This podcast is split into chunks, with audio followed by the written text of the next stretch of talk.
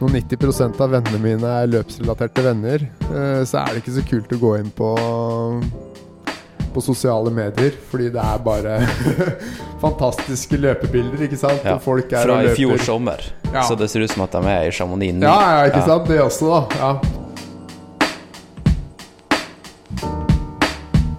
De øktene som definitivt har har slitt mest på kroppen, det er de her raske, lange øktene.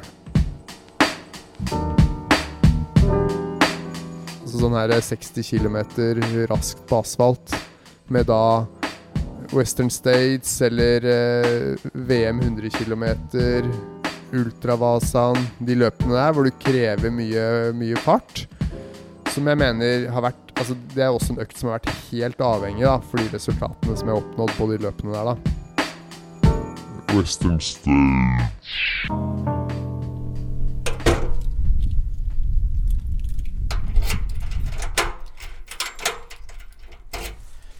All right, folkens.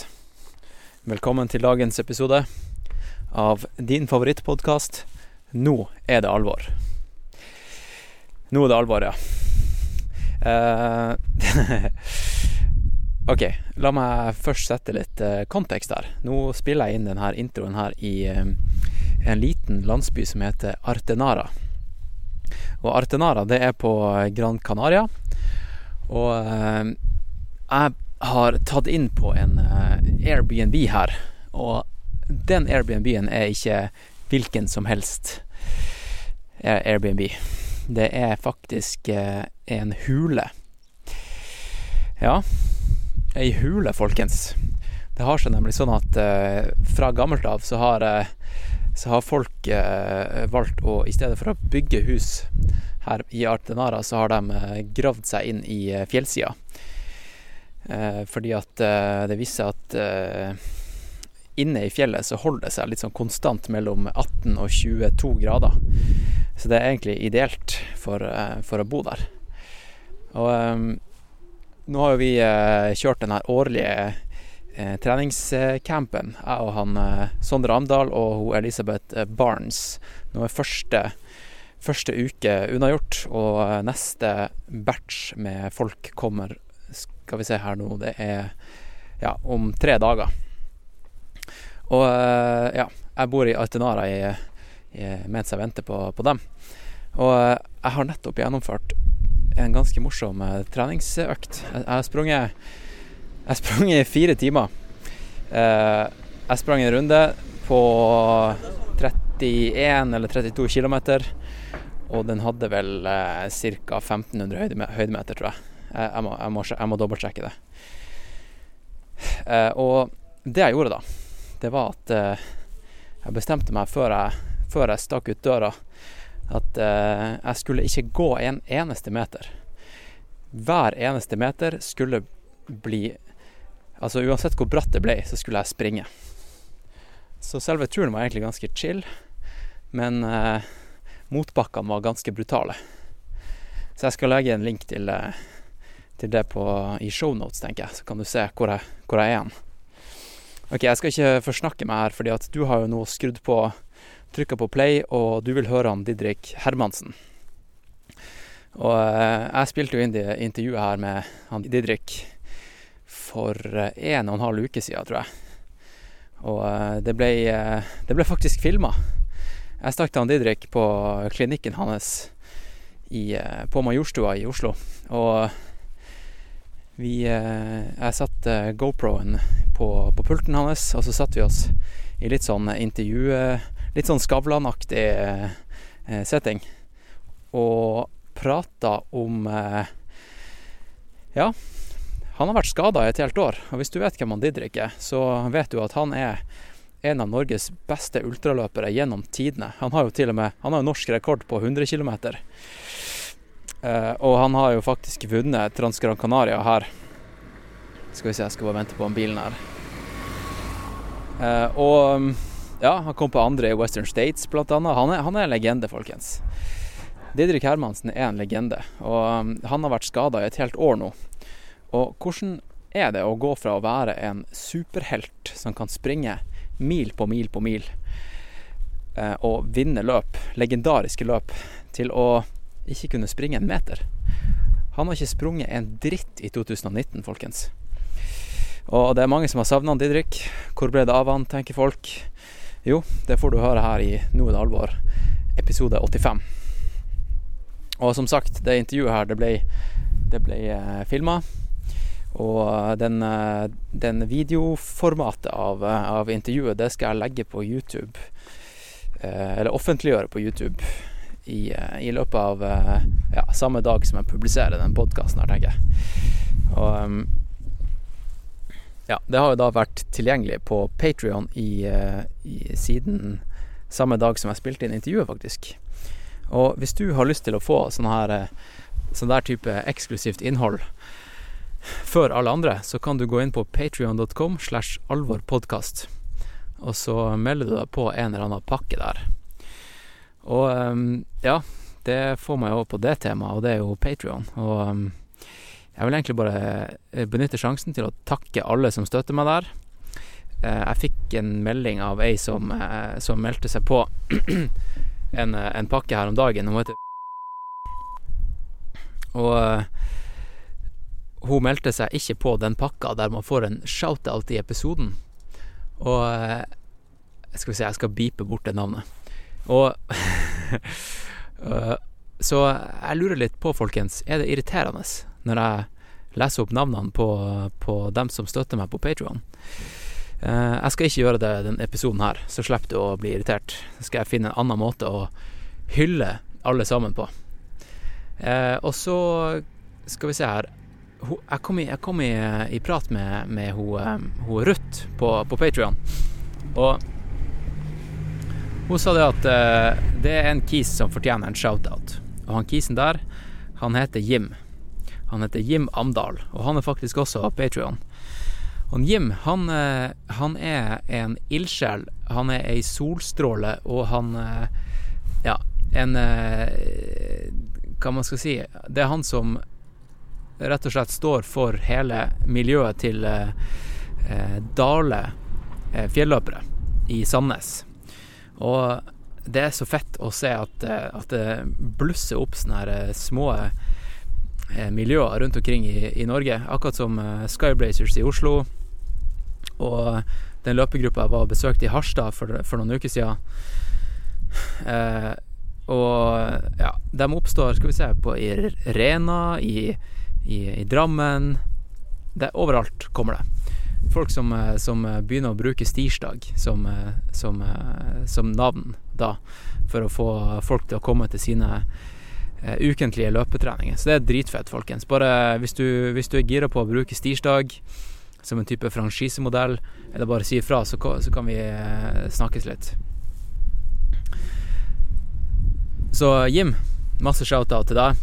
Jeg møtte deg på Ecotrail i fjor jeg, jeg, så deg i grøft med 'Nå er det alvor'-T-skjorte på, og jeg så at du hadde tatt deg helt ut. Så eh, jeg, tror, eh, jeg tror det møtet med, med, jeg hadde med deg der, det var, det var ganske episk. Jeg så alvoret i øynene dine.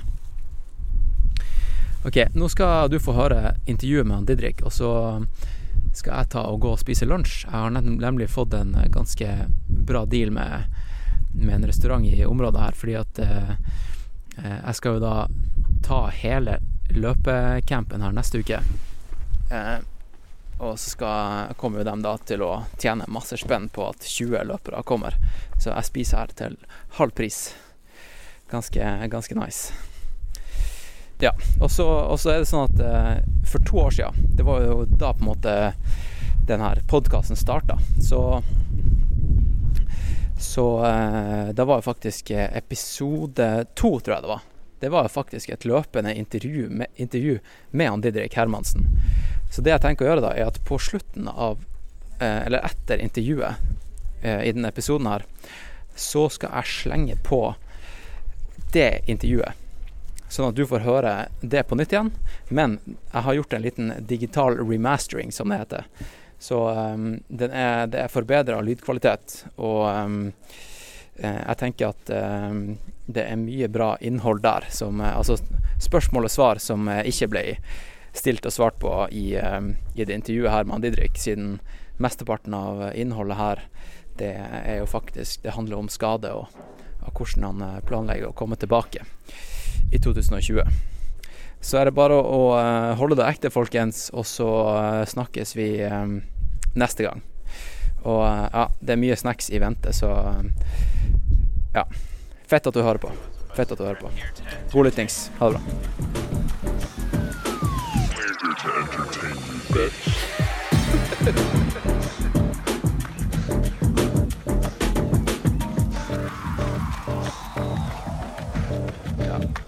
Det har skjedd mye det siste året. Eller kanskje det har skjedd ganske lite. Ja, Jeg vet ikke.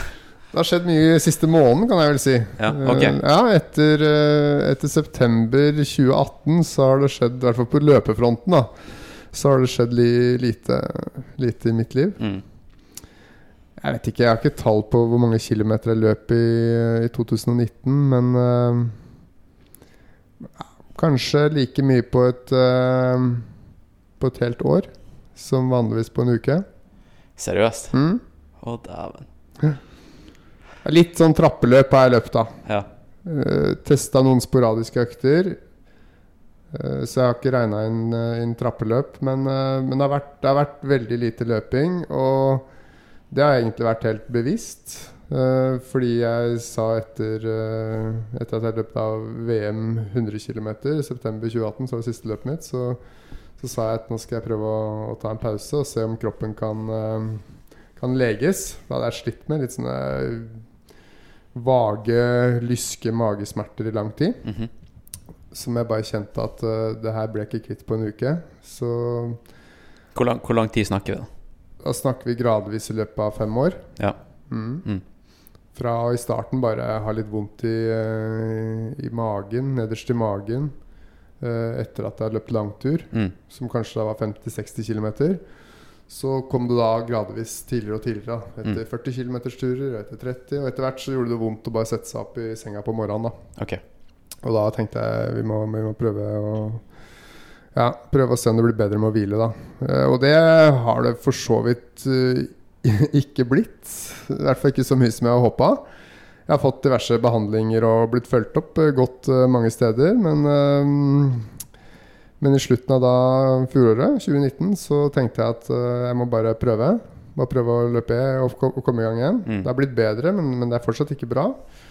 Og så begynte jeg for alvor i, i jula, da. Så jeg har vel egentlig løpt da daglig siden ja, juleferien. Typ til og fra jobb, eller? Eh? Ja, da har det vært mer enn det, altså.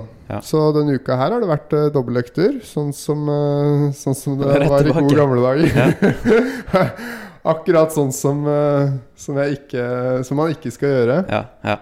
Ja, så det har vært uh, Jeg hadde vel 100 km forrige uke. Og da Og så Ja. Får jeg prøve å ta det litt, litt gradvis, da. Men eh, hvis, hvis jeg skal Du starter med 100, og så tar du det derfra. Ja, Ja. er ikke det greit? Ja. Nei, men nei, altså Jeg har aldri hatt sånn sinnssykt volum, jeg, altså. Men eh, det har jo vært jevnt og trutt. Mm. Med, med bra med kilometer, selvfølgelig, i løpet, av, eh, i løpet av en uke. Men hvis jeg skal gjøre det her, da hvis jeg skal starte opp, opp igjen på, Det føles litt som et lite comeback, så, så har jeg lyst til å gjøre det ordentlig. da Mm. Og jeg gidder ikke å, å gjøre det sånn halvveis. Så da, da gir vi det en skikkelig sjanse. Og da har jeg lyst til å trene sånn som jeg pleier å gjøre. Hva er comeback-strategien, da?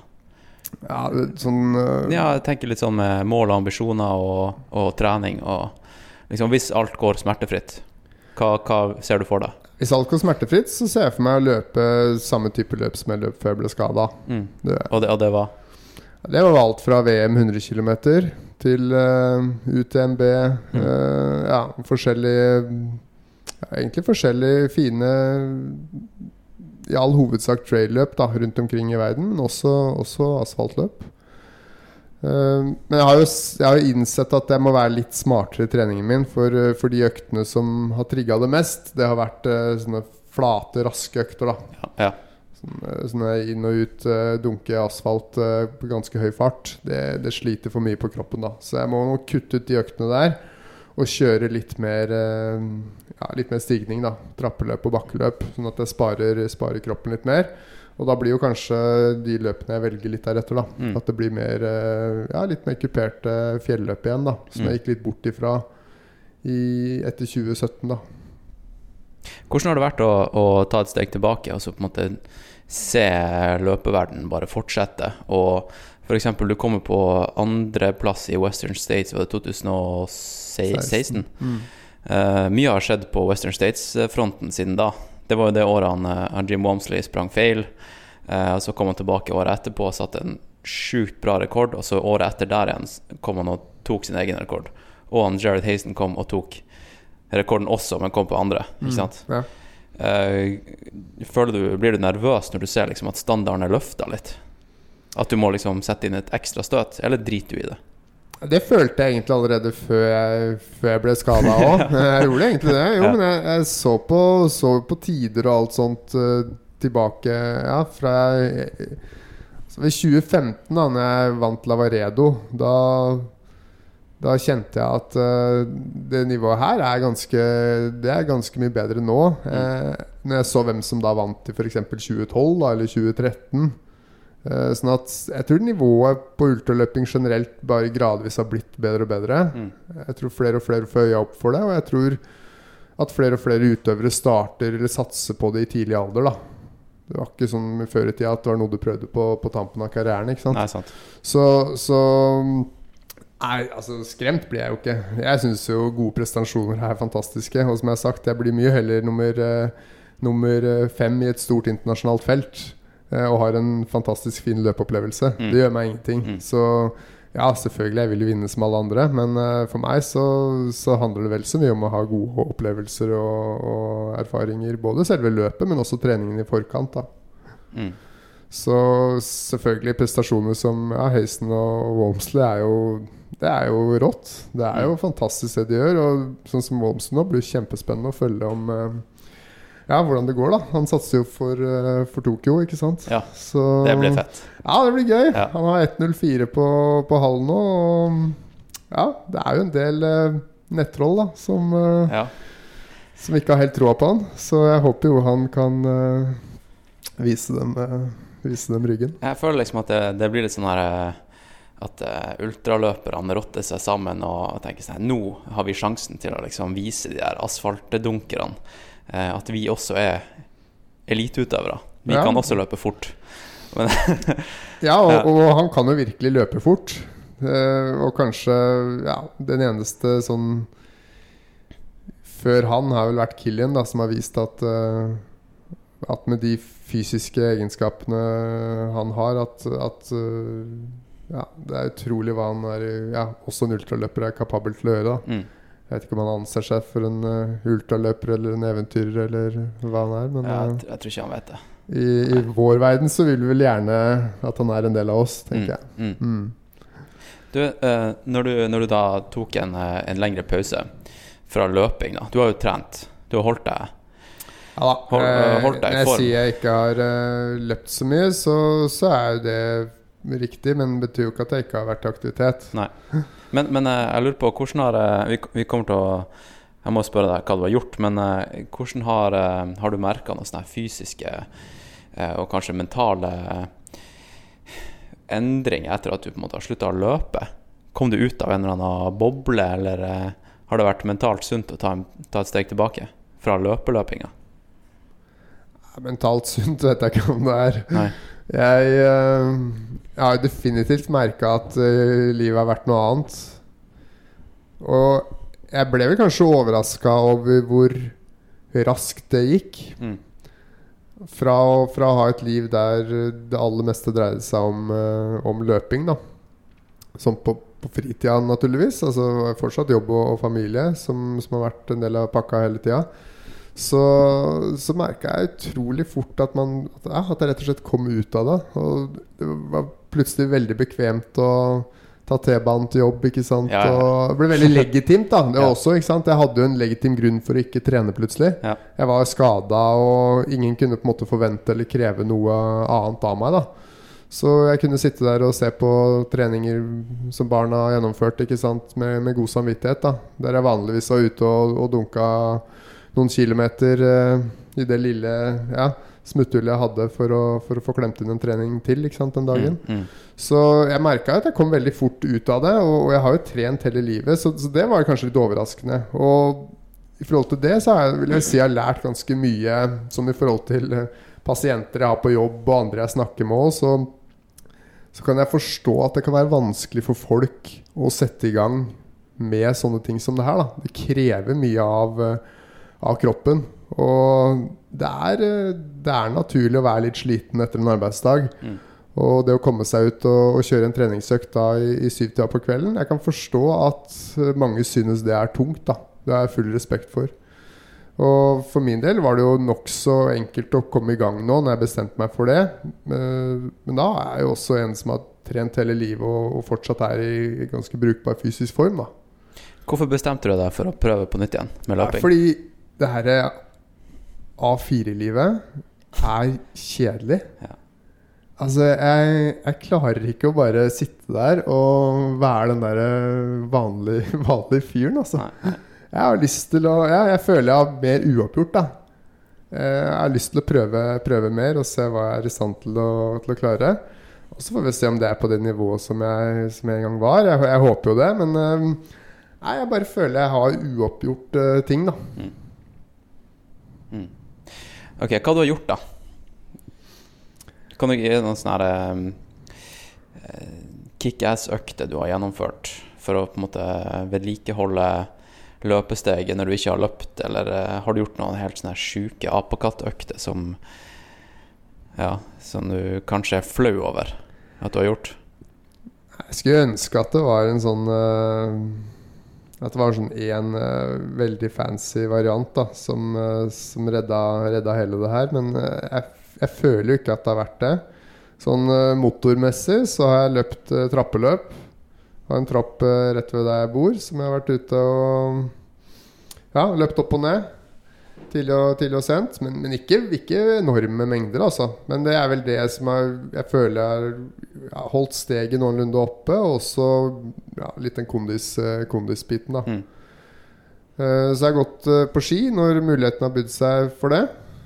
Skøyting eller klassisk? Begge deler. Mm. Mm. Kjøpte meg felleski i fjor når ja, jeg ikke ville ha noe glepptak i forhold til lyskene. Ja. Men, men også, også skøytinga. Men ja, jeg vil, vel, jeg vil vel si at klassisk skigåing er, er eh, hakket nærmere et løpesteg da, enn det skøyting er. Eh, derimot så, så er det artig å skøyte. Det går fortere. Og det er bra, bra styrketrening og ikke minst som balanse-koordinasjonstrening. Mm. så jeg vil si skigåing er en, en veldig fin eh, alternativ treningsform for løping. da Jeg vet han Sondre Nordstad Moen han har vært mye på, på skigåing når han gjør alternativt. Og sånn Ja. staking og Ja, både ja. han og både ja, Sindre Burås Ja. og Karoline Grøvdal er jo tidligere, tidligere skiløpere. Sammen med Henrik Ingebrigtsen. ikke Mm, sant mm. Så ser jo Didrik Tønseth nå. Ikke sant? Så det er, mange, det er mange eksempler på at eh, de to eh, bevegelighetsformene er ganske like. da Mm. Mm. Sånn uh, utover det så har jeg da vært i treningsstudio og gjort uh, utallige styrke, styrkeøvelser for mage, lyskeområdet. Det har vært alltid fra spesifikke strikkeøvelser til kabeløvelser, ja, balanseball Altså veldig mye basic, eh, basic styrke som jeg trodde jeg var ganske bra på, men som ja, som jeg blir avkledd på. Mm. Som jeg, ja, viser seg at jeg ikke er så sterk i, i den muskulaturen som jeg kanskje trodde jeg var. Så jeg har jo prøvd å, prøvd å jobbe opp det og, og få i gang det.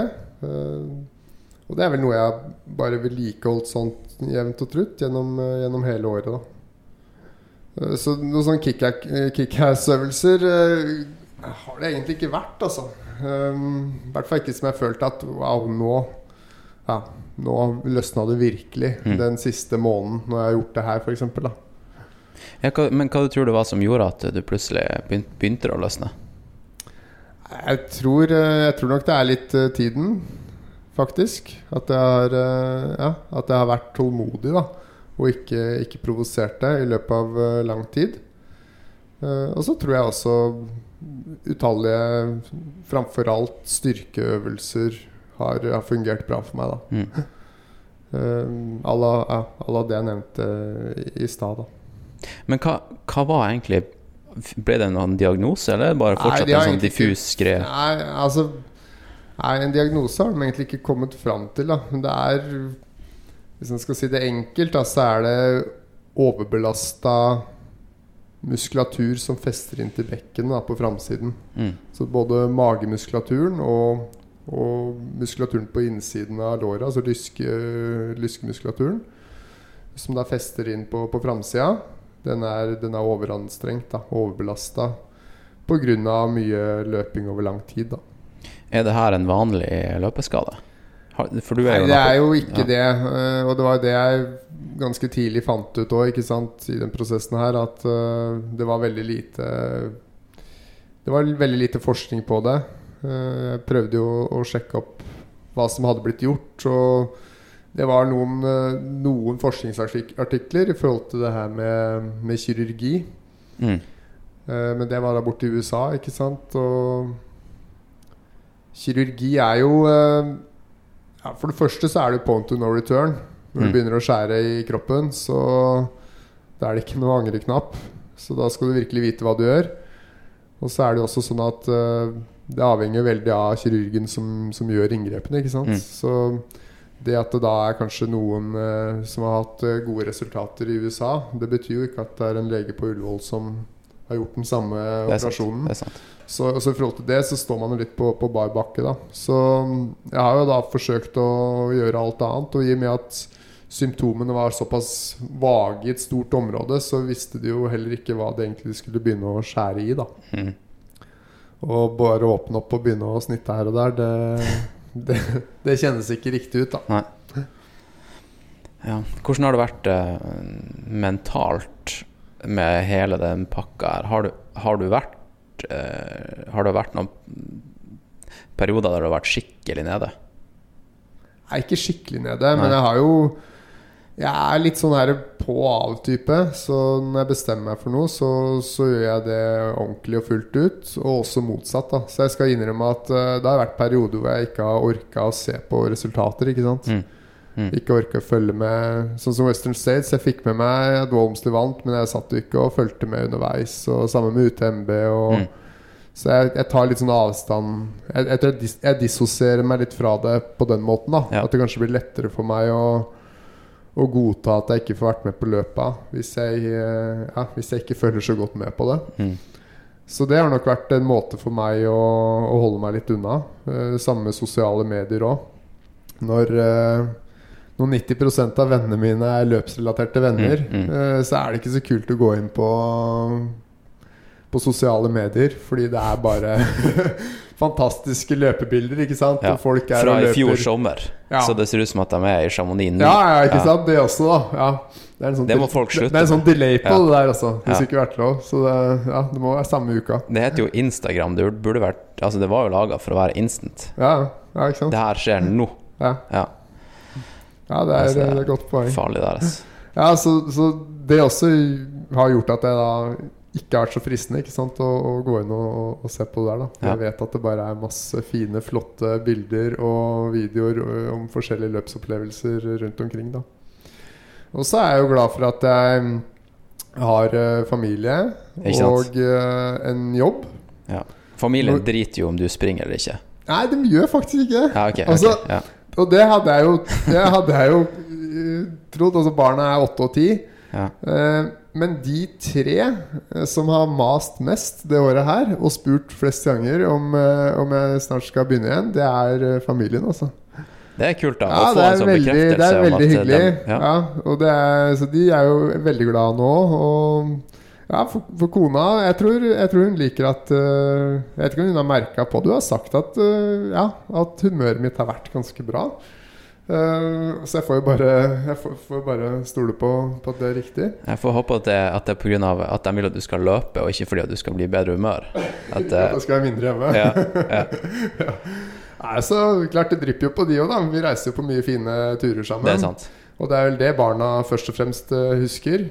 De syns det er kjempegøy ikke sant? Å, å være med og lange og kjøre rundt og ja, se nye ting. Alt Mm.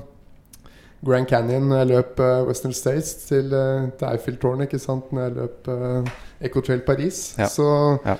Så det har jo på en måte vært et eh, familieprosjekt eh, tidligere, og det håper jeg du kan bli videre framover òg nå. Mm. Sånn at det, er, det er veldig hyggelig. Og, og selvfølgelig så har det også vært veldig motiverende og hyggelig når alle som kjenner meg, også spør. da Og pasienter òg, som, som kjenner meg godt. Mm.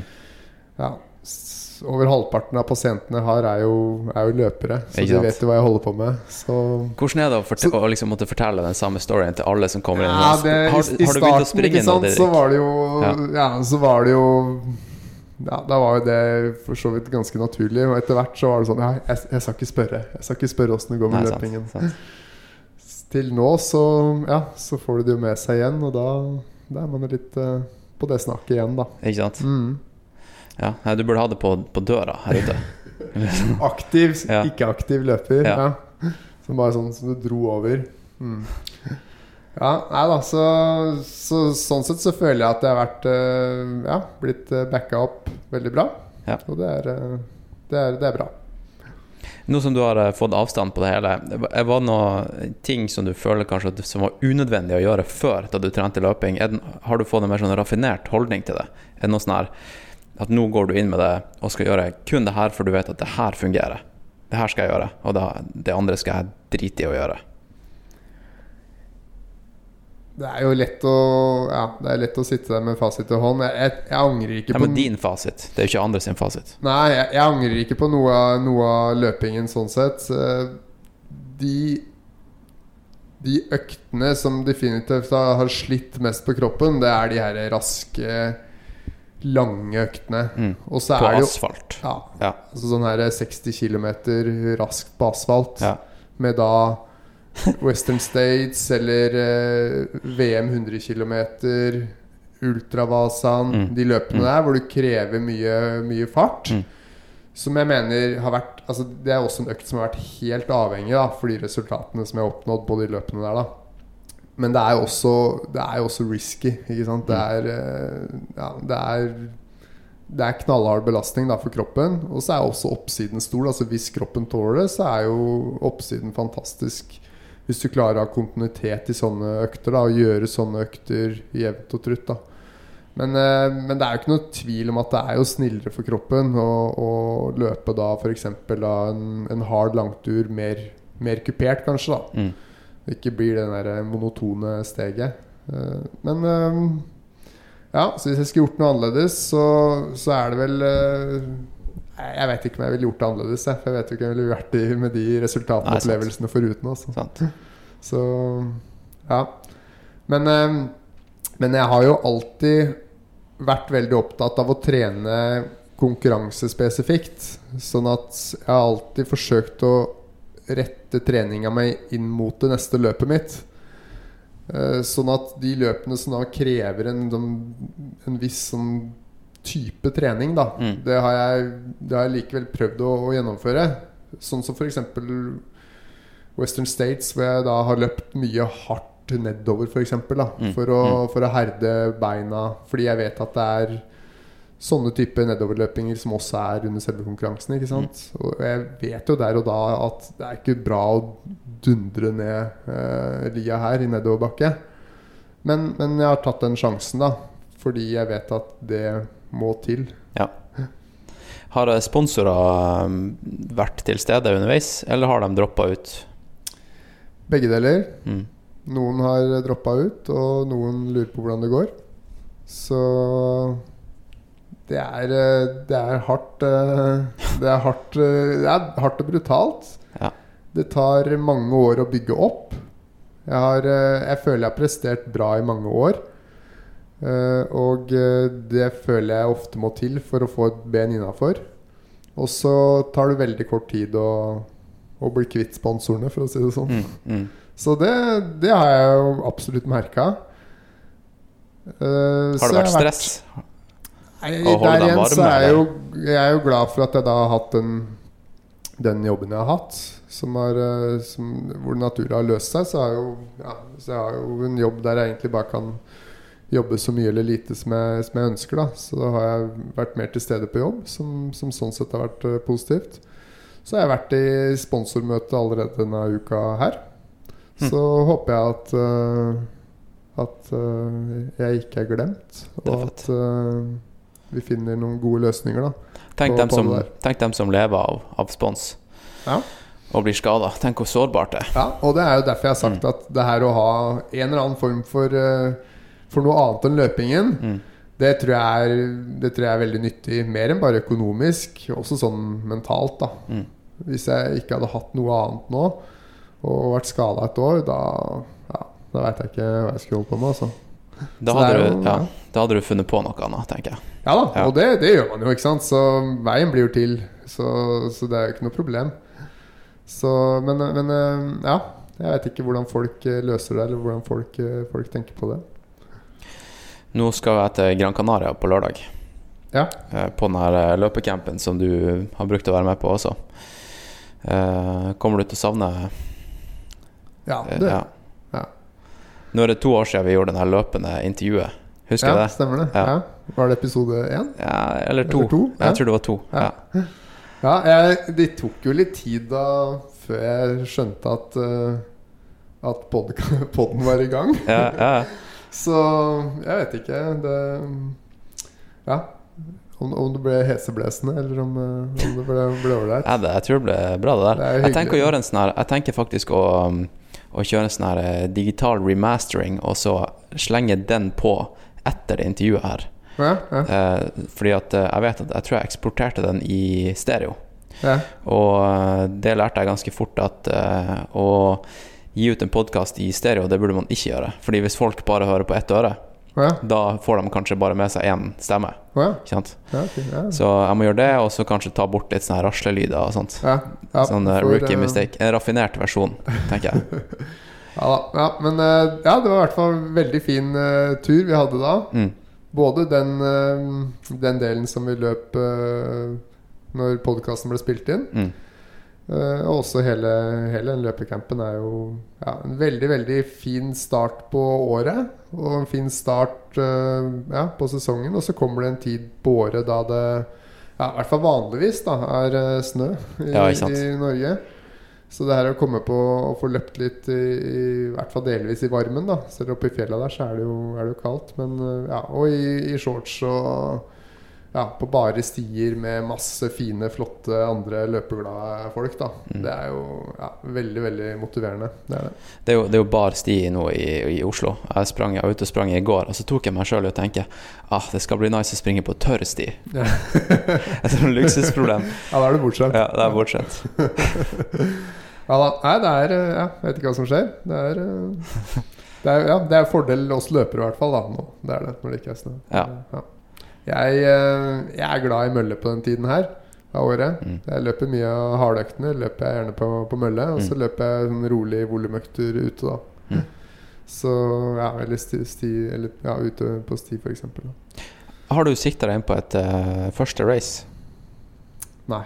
Nei. Det tar jeg ikke sjansen på. Jeg er, en, jeg er i snakk med, med flere, altså, så det, jeg kommer til å konkurrere i år. med flere. Ja da, men jeg, jeg kommer til å konkurrere, men jeg vet ikke helt når eh, Ja, når, eh, når det blir. Jeg må, jeg må få Det er fortsatt tidlig, altså. Lengste økta jeg har løpt eh, til nå, er vel 21 km, Mm. som jeg løp i, i går. Riktignok uh, ganske fort, men, eh, men jeg, må, jeg må bare prøve å jobbe det opp litt jevnt og trutt. da Jeg ser kanskje for meg Ecotrail Oslo i mai som en kanskje sånn mulig start. Og så får vi se litt eh, hvordan, eh, hvordan kroppen tar det, da. Mm. Mm. Hva med sånn type eh, NM Mol- Molde sjutopper? Er det noe som kunne interessert deg? Liksom? Ja, det er det. Ja, absolutt. Men, men som sagt, jeg må bare, jeg må Ja. bare sørge for å Jeg må ta det litt sånn i Ja, det er fort gjort nå å bli sånn het på grøten, ikke sant. Og Mm. jeg har lyst til å løpe masse løp. Jeg kunne tenkt meg å løpe løp eh, I dag? Ja, og hver måned, ikke sant, resten av året. Så Ja. Men jeg, ja, jeg må velge meg ut litt løp som eh, Ja, som passer, passer meg og den treningen jeg nå får eh, gjennomført. Og, og som ikke blir altfor for nært i tid, da. Mm. Og Det er jo ingen VM i år, faktisk. Nei? Det er ikke før 2021. Ja, det er vel VM i 100 km, er det VM i? Ja, det kan stemme. Ja, Ja, ja. Mm. så Ja, og det er jo noe som jeg har løpt hvert hvert VM siden Ja, det var vel EM i 2013, og så har jeg løpt VM eh, da hvert år siden den gang. Og så får vi se da om jeg antageligvis da ikke kommer til å løpe VM for, for første gang nå i, i år, da. Som er Windshoten vel i september, da. Men hva med hva, Har du løpt uh, ult, altså trail-VM også? Det har du vel? Ja da, Ja. jeg har gjort, gjort det. Ja. Jeg løp Jeg løpt i 2013 i uh, Wales. Da ble jeg nummer ti. Og så løp jeg det i 2015, hvor det var da en del av Maxi Race i Annecy. Hm. Hvor jeg også ble nummer ti. Hvilken distanse var det, da? Det var 75. Uh, ja, Wales var 75, og Maxi Race er vel 85, tror jeg. Ok. For jeg tror neste år, altså 2021, da blir det mange forskjellige distanser. Å ja. Jeg tror det blir liksom Fordi tidligere så har det vært rullert på liksom Ja, eh, kort, med, ja, kort, medium, kjempelang. ja. Jeg tror neste år blir det alle. At det blir en sånn uke med masse race ja. som man kan velge. Da. Så, Ja, for jeg har jo Det har jo bare, det har bare ikke passa helt. Uh, og så har jeg innsett at de korteste De har vært, eh, de har vært for korte for meg, da. Så jeg har på en måte sett meg ta de 80 kilometerne. Men så har det Jeg husker ikke hvorfor jeg ikke Det krasja i hvert fall med et annet løp da som jeg heller prioriterte, mener jeg å huske. Mm. Så, men det høres jo, det høres jo gøy ut. ja, det kan bli Hvor er fett. det? Uh, det vet jeg ikke. Ja. Det vet jeg ikke. Ok, kanskje vi, kanskje vi begynner å runde av snart? Ja. Okay, er Ja. det. Um, har du noen um, Har du noen siste tips og triks til, eh, til lytterne? Kanskje de eh, akkurat har begynt å løpe ultra?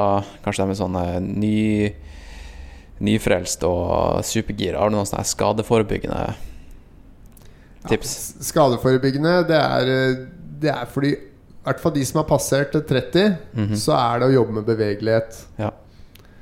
Det er eh, selvfølgelig Hvis du skal løpe konkurranser, så, så må du ha god kondisjon. Men, men sånn, for de fleste så har de veldig mye å hente på å jobbe med bevegelighet i, i korsrygg, bekken, hofter, lår. da Mm. Så det kan være alt fra å, å gå på YouTube og søke opp uh, yoga for runners, uh, til å jobbe med dynamiske Dynamiske uttønningsøvelser, da. Hvorfor etter 30? Hva som skjer med kroppen liksom, Altså, vi, vi forfaller, rett og slett. Ja, Og jeg, jeg ser det på, ja, på pasienter og andre jeg snakker med også, at uh, vi rett og slett bare gradvis stivner mer og mer. Mm. Så det er nok delvis pga. alder, og delvis fordi vi rett og slett blir mer inaktive da, i, i den alderen der. Nå er det selvfølgelig veldig, veldig individuelt, men jeg tror mange er hentet på, på å ha god bevegelighet i det området der. da Både for, for å få et bra, fint løpesteg, men også for å raskere restituere seg da etter øktene. Så er man, eh, er man stiv, så, så henter kroppen seg langsommere inn da, etter en hardøkt. Når skal du gjøre de her eh, bevegelighetsøktene? Er det etter ei økt, eller er det før, eller er det ei, liksom, en dedikert økt med bevegelighet? I utgang- utgang- utgang- utgangspunktet så trenger du ikke å være varm, altså. Det gjør du ikke. Nei. Opplevelsen er kanskje litt mer behagelig da. Og man er kanskje litt mer sånn i tenket. Man kanskje ha på seg treningsklær, litt mer bevegelige klær, som gjør at det er lettere å, å, å gjøre de øvelsene der. Men eh, det er noe som du kan plukke fram eh, når muligheten byr seg. Og ti minutter er bedre enn fem. Og, og det er bedre med, med et kvarter hver dag enn to timer hver søndag. Mm.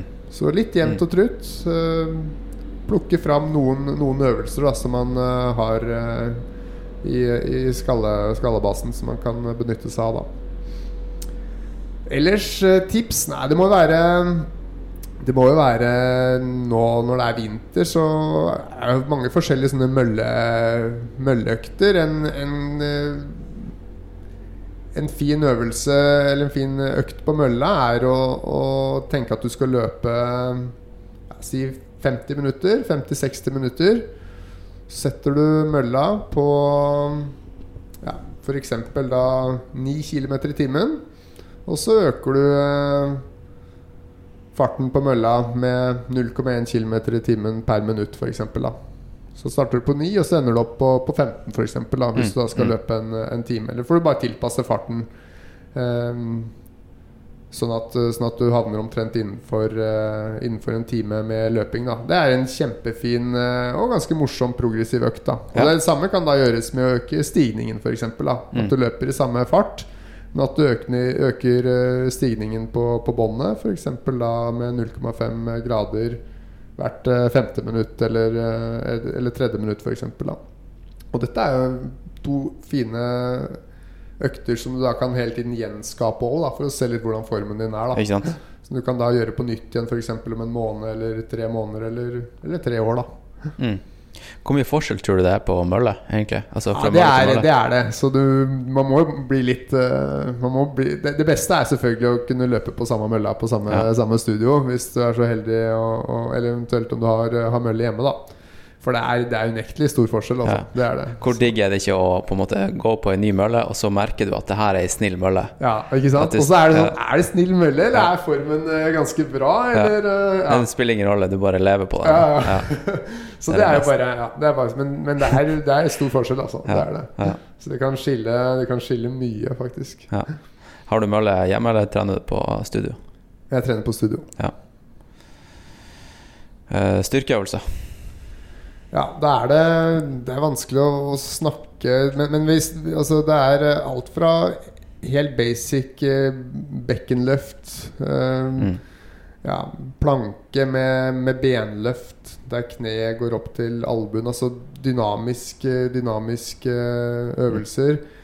Mitt beste råd der igjen, det er å, å bare Bare søke opp eh, ja, øvelser. Ja, jeg, tror, ja. Jeg tror det er veldig få øvelser man kan gjøre feil, hvis du snur på det. Det, er, eh, det viktigste er å gjøre, gjøre noe. Sånn at eh, Sånn at der må man nesten bare ja, søke seg opp og søke seg fram til eh, Ja, til basic Ja, trening av basic core, da. Trening, mm, Mm, Mm.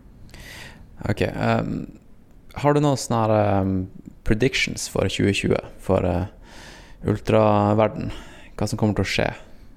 Er det noen store navn? Er det noen store løp? Hva, noen trender? Jeg håper vi ser Walmsley under 2,10 da i Tokyo. Ja. Det hadde vært kult.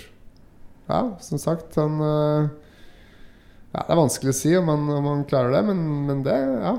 Ser han legger inn en bra Brukbart volum på, på Strava, ser du. Så Jeg, jeg tør ikke følge han der. Det er helt eh, irrasjonelt hvor mye han springer. Så, så det hadde vært gøy. Ellers så, så tror jeg det kommer noen, eh, noen unge, nye navn. Det gjør jeg. Mm. Jeg tror, eh, om ikke generasjonsskifte, så tror jeg vi får se noen, eh, noen, noen nye navn i de store løpa. Og blant annet noen asiatere, da. Ja, ikke sant. Vi får litt, litt øya, øya opp for det. Og ultraløping er jo veldig stort i Asia. Mm. Du, jeg skal jo mest sannsynligvis gjøre UTMF. Ok? Ja. Har du noen tips? Du har gjort UTM, Nei, UTMF. Ja. Det gikk ikke helt uh... Nei, du, det var et kjempe Et kjempefint løp. Ja. Altså hele, hele Ultra Trail greia. Mount Fuji. Ja. eh, det er ja, absolutt. Eh, jeg husker jo det var ekstremt dårlig vær når jeg løp det. Det var regn, og jeg husker jeg løp med han Gedeminas Grinius. Så vi Det er veldig gjørmete der. ja. Ok. Jeg husker vi fant to stokker så vi, vi brukte Det var et, noen sånne her stigninger hvor vi, vi hadde ikke staver, men vi måtte bare finne noen stokker og dra oss opp. Og vi brukte de som, som staver, for det var så gjørmete. Og det samme da nedoverløpingen. Så var det Ja, det var skikkelig bløtt og gjørmete. Absolutt sånn Ja, det mest uh, grisete løpet jeg har, uh, har løpt. Ja. Uh, og da har jeg løpt råskinnet på, på Sognsvann òg. Sånn at eh, men, men veldig fint, altså. Og ja, de er flinke til å arrangere, og fantastiske eh, rammer. Fantastiske omgivelser. Det var jo dårlig vær, som sagt, så jeg så jo ikke selve mot Fuji under løpet. Men, eh, men heldigvis så jeg det vel både før og etter. Mm. Men, men hvordan gikk det for deg? Nei, jeg brøt. Ja, mage, magetrøbbel og Ja, så jeg brøt uh, ganske tidlig. Ja. Til eh, Sondres store forundrelse, husker jeg. Jeg satt der eh, ganske slukøra på en eh, På en sånn post langt ute i, i gokk midt på natta der. Og så Ja. kom han eh, Ja, han kom vel eh, rett bak meg da og lurte på hva som skjedde. Men hva var det som skjedde? Var det Nei, mat, matforgifting, ja, eller var det jeg, en klassisk gel? det rista jo litt på hodet, da, fordi jeg er litt sånn at jeg, jeg har ikke noen sånn her spesiell matplan. Sånn jeg spiser det jeg, eh, det jeg blir servert. Ja. Eh, fordi jeg løper rundt i hele verden. Å spise mammas brød med brunost. Det funker dårlig da når du er i Japan. Ja. Så jeg spiste bl.a. en sånn kald pølse. Som vi kanskje tenkte kunne være årsaken da til noe sånn frokost dagen før. Og ja, Veldig spesiell frokost med masse forskjellig sånn. Sånn Men det er jo kjempegøy. typisk japansk. Ja, ja. Ja, men, men sånn Jeg syns jo det er Det er jo noe av det som er gøy med å reise og løpe løp utenfor Norge. Ikke sant? Det er jo, det er jo kultur og det er jo artig. Ja, så vi satt der på, på rumpa, ikke sant? apropos det her med bevegelighet. Da. Ja, Skulle ja. sitte der ikke sant? med beina i kors og Ja, det var jo det var jo ikke bare bare å, spise denne maten. da Så Det var en kjempegøy opplevelse, men eh, jeg ble matforgifta. Jeg ble dårlig i magen.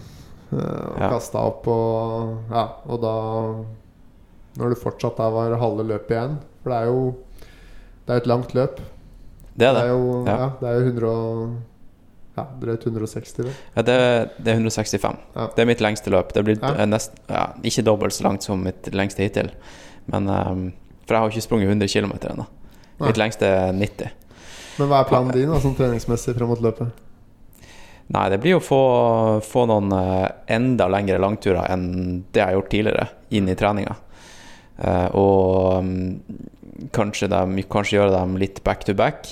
Og jeg, til jeg drar til Chile i februar, og da blir det mye hiking. Så lange dager ute Ja. tror jeg blir en, eh, en nøkkel. da Og hvor lange treningsøkter blir det lengste da? Sånn i? Nei, i tid så tenker jeg Altså i, um, i løping, da Nei, type fem-seks timer, da, tenker jeg. Mm. Ja. Ikke mer enn det. Mer enn det, da, da begynner det å gå på bekostning av, eh, av helsa, tenker jeg. Mm. Hvis jeg kan tåle to dager på rad med fem-seks timer løping, bra løping, da, da tror jeg er innafor. Mm. Ja. Jeg pleier jo å anbefale også sånn for de her virkelig lange løpa, da Mm. la, mm. la Mount Fuji eller UTMB f.eks., så, så vil jeg jo si at kanskje noe av det beste for å herde beina er å, å bare reise til Jotunheimen og gå Mm. seks-sju timer eh, hver dag i i seks-sju dager, da. Ja, ikke sant? Hvor du bare får masse volum eh, i løpet av forholdsvis kort tid, da. Ja. Så, så må man jo selvfølgelig løpe òg, men, men det trenger man ikke gjøre akkurat i en sånn, i en sånn setting. da Nei. Det blir spennende. Det blir dritfett. Ja. Så det er det som skjer eh, for meg nå, frem, Mm. mot Og senere. Um, jeg får se. Jeg skal, jeg, skal, jeg skal ikke gjøre så mye race i år. Jeg tror jeg skal vie sommeren til um, FKT-prosjekt. Mm. Mm. Ja.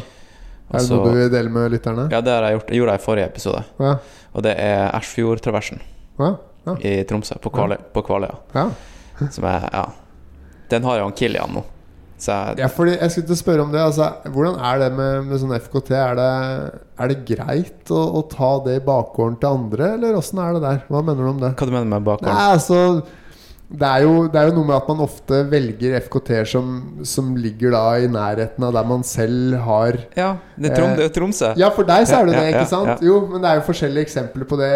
ehm, at man, at man da, da gjerne velger FKT-er som er i nærheten av ens eget uh, treningsmiljø, da, eller, oppvekststed. Ikke sant?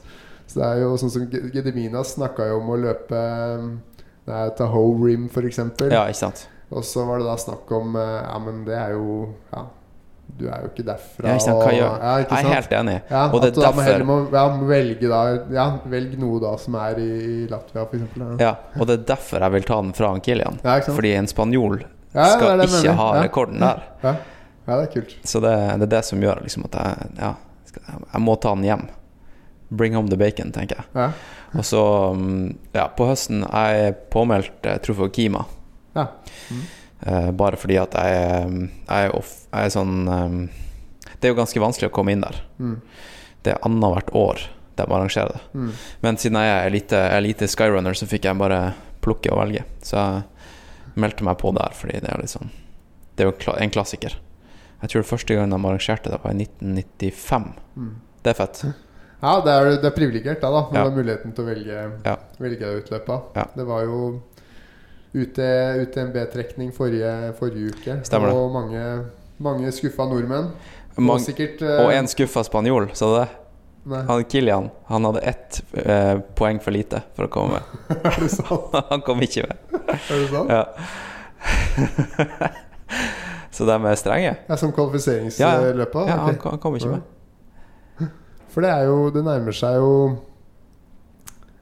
Det nærmer seg Altså, det er jo et Det varierer jo der òg hvor, hvordan eh, Altså, UTMB er jo alltid mye bra løpere, ikke sant? men eh, det er noen år det er ekstra mye bra. Og i Ja. år så tror jeg vi nærmer oss et sånt år igjen, da. Ja, Hvor, eh, skal med. Ja, hvor, i- hvor i utgangspunktet i gåstegn alle skal med, da. Mm. Så ja, jeg savner jo Killian på startstreken der, da. Ja, men eh, ja, vel, ikke så mange nordmenn i år. I år. Nei, det tror- er eh, Ja, som sagt, så man er da heldig hvis man har muligheten til å, til å velge seg Ja. At man har nok, nok poeng, da, eller nok ITRA-poeng og er god nok for å, for å velge løp. Så det litt lettere å planlegge året og kalenderen sin da òg. Eller så kan du bare på en måte kjøpe deg plass med å løpe et sånn her eh, UTMB-race.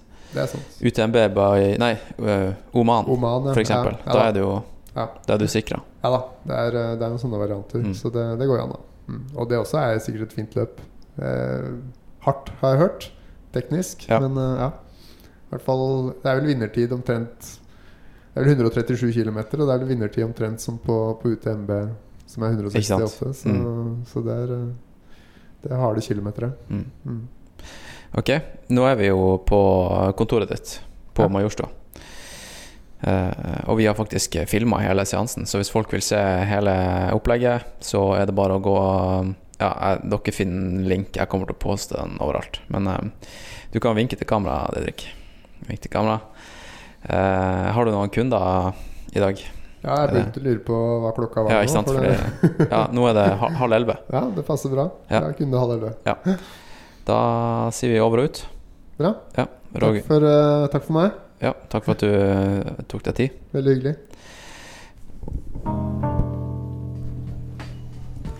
Alright, eh, da har dere fått hørt eh, intervjuet med han Didrik.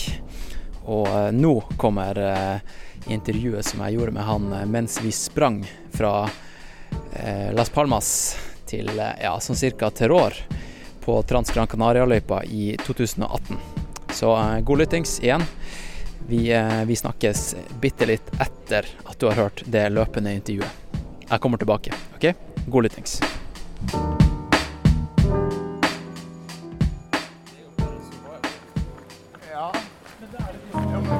Hva, hvordan definerer man et løp, da? Jeg tenker jo så lenge det er Nei, Du må jo kunne løpe, da. Ja, det er jo valgfritt, da. Ikke rote i krattet i 60 timer. Nei, nei, men hvis du ikke evner å løpe, da, ja. så kan det fortsatt være et løp. Så er det bare at man ikke er godt nok trent, da. Ja. Kanskje ikke den personen eh, har løpt Barkley ennå, jeg vet ikke. Men det er, jo, det er jo mange ulike varianter av det. Det er jo, det er jo mange ultraløp som er mer på en måte ekspedisjoner, da. Det føler jeg jo. At det er uh... Ultrafjord, eksempel. Ja. Helt umarkert, nesten. ja. Uh, Så det er jo folk, folk dør. Ja. Så klart det er jo Jeg tror folk er interessert i å teste nye ting. Og det er veldig Det er veldig kanskje naturlig å starte med med en fint, fint eller lettløpt eh, merka 50 km, ikke sant? Eh, som Echo Trail eller, eller i løpet av det. Ja. Og så kanskje vil kan teste ja, andre ting etter hvert. da. Jeg tror det er ingen som, eh, som har Barkley som sitt første ultraløp.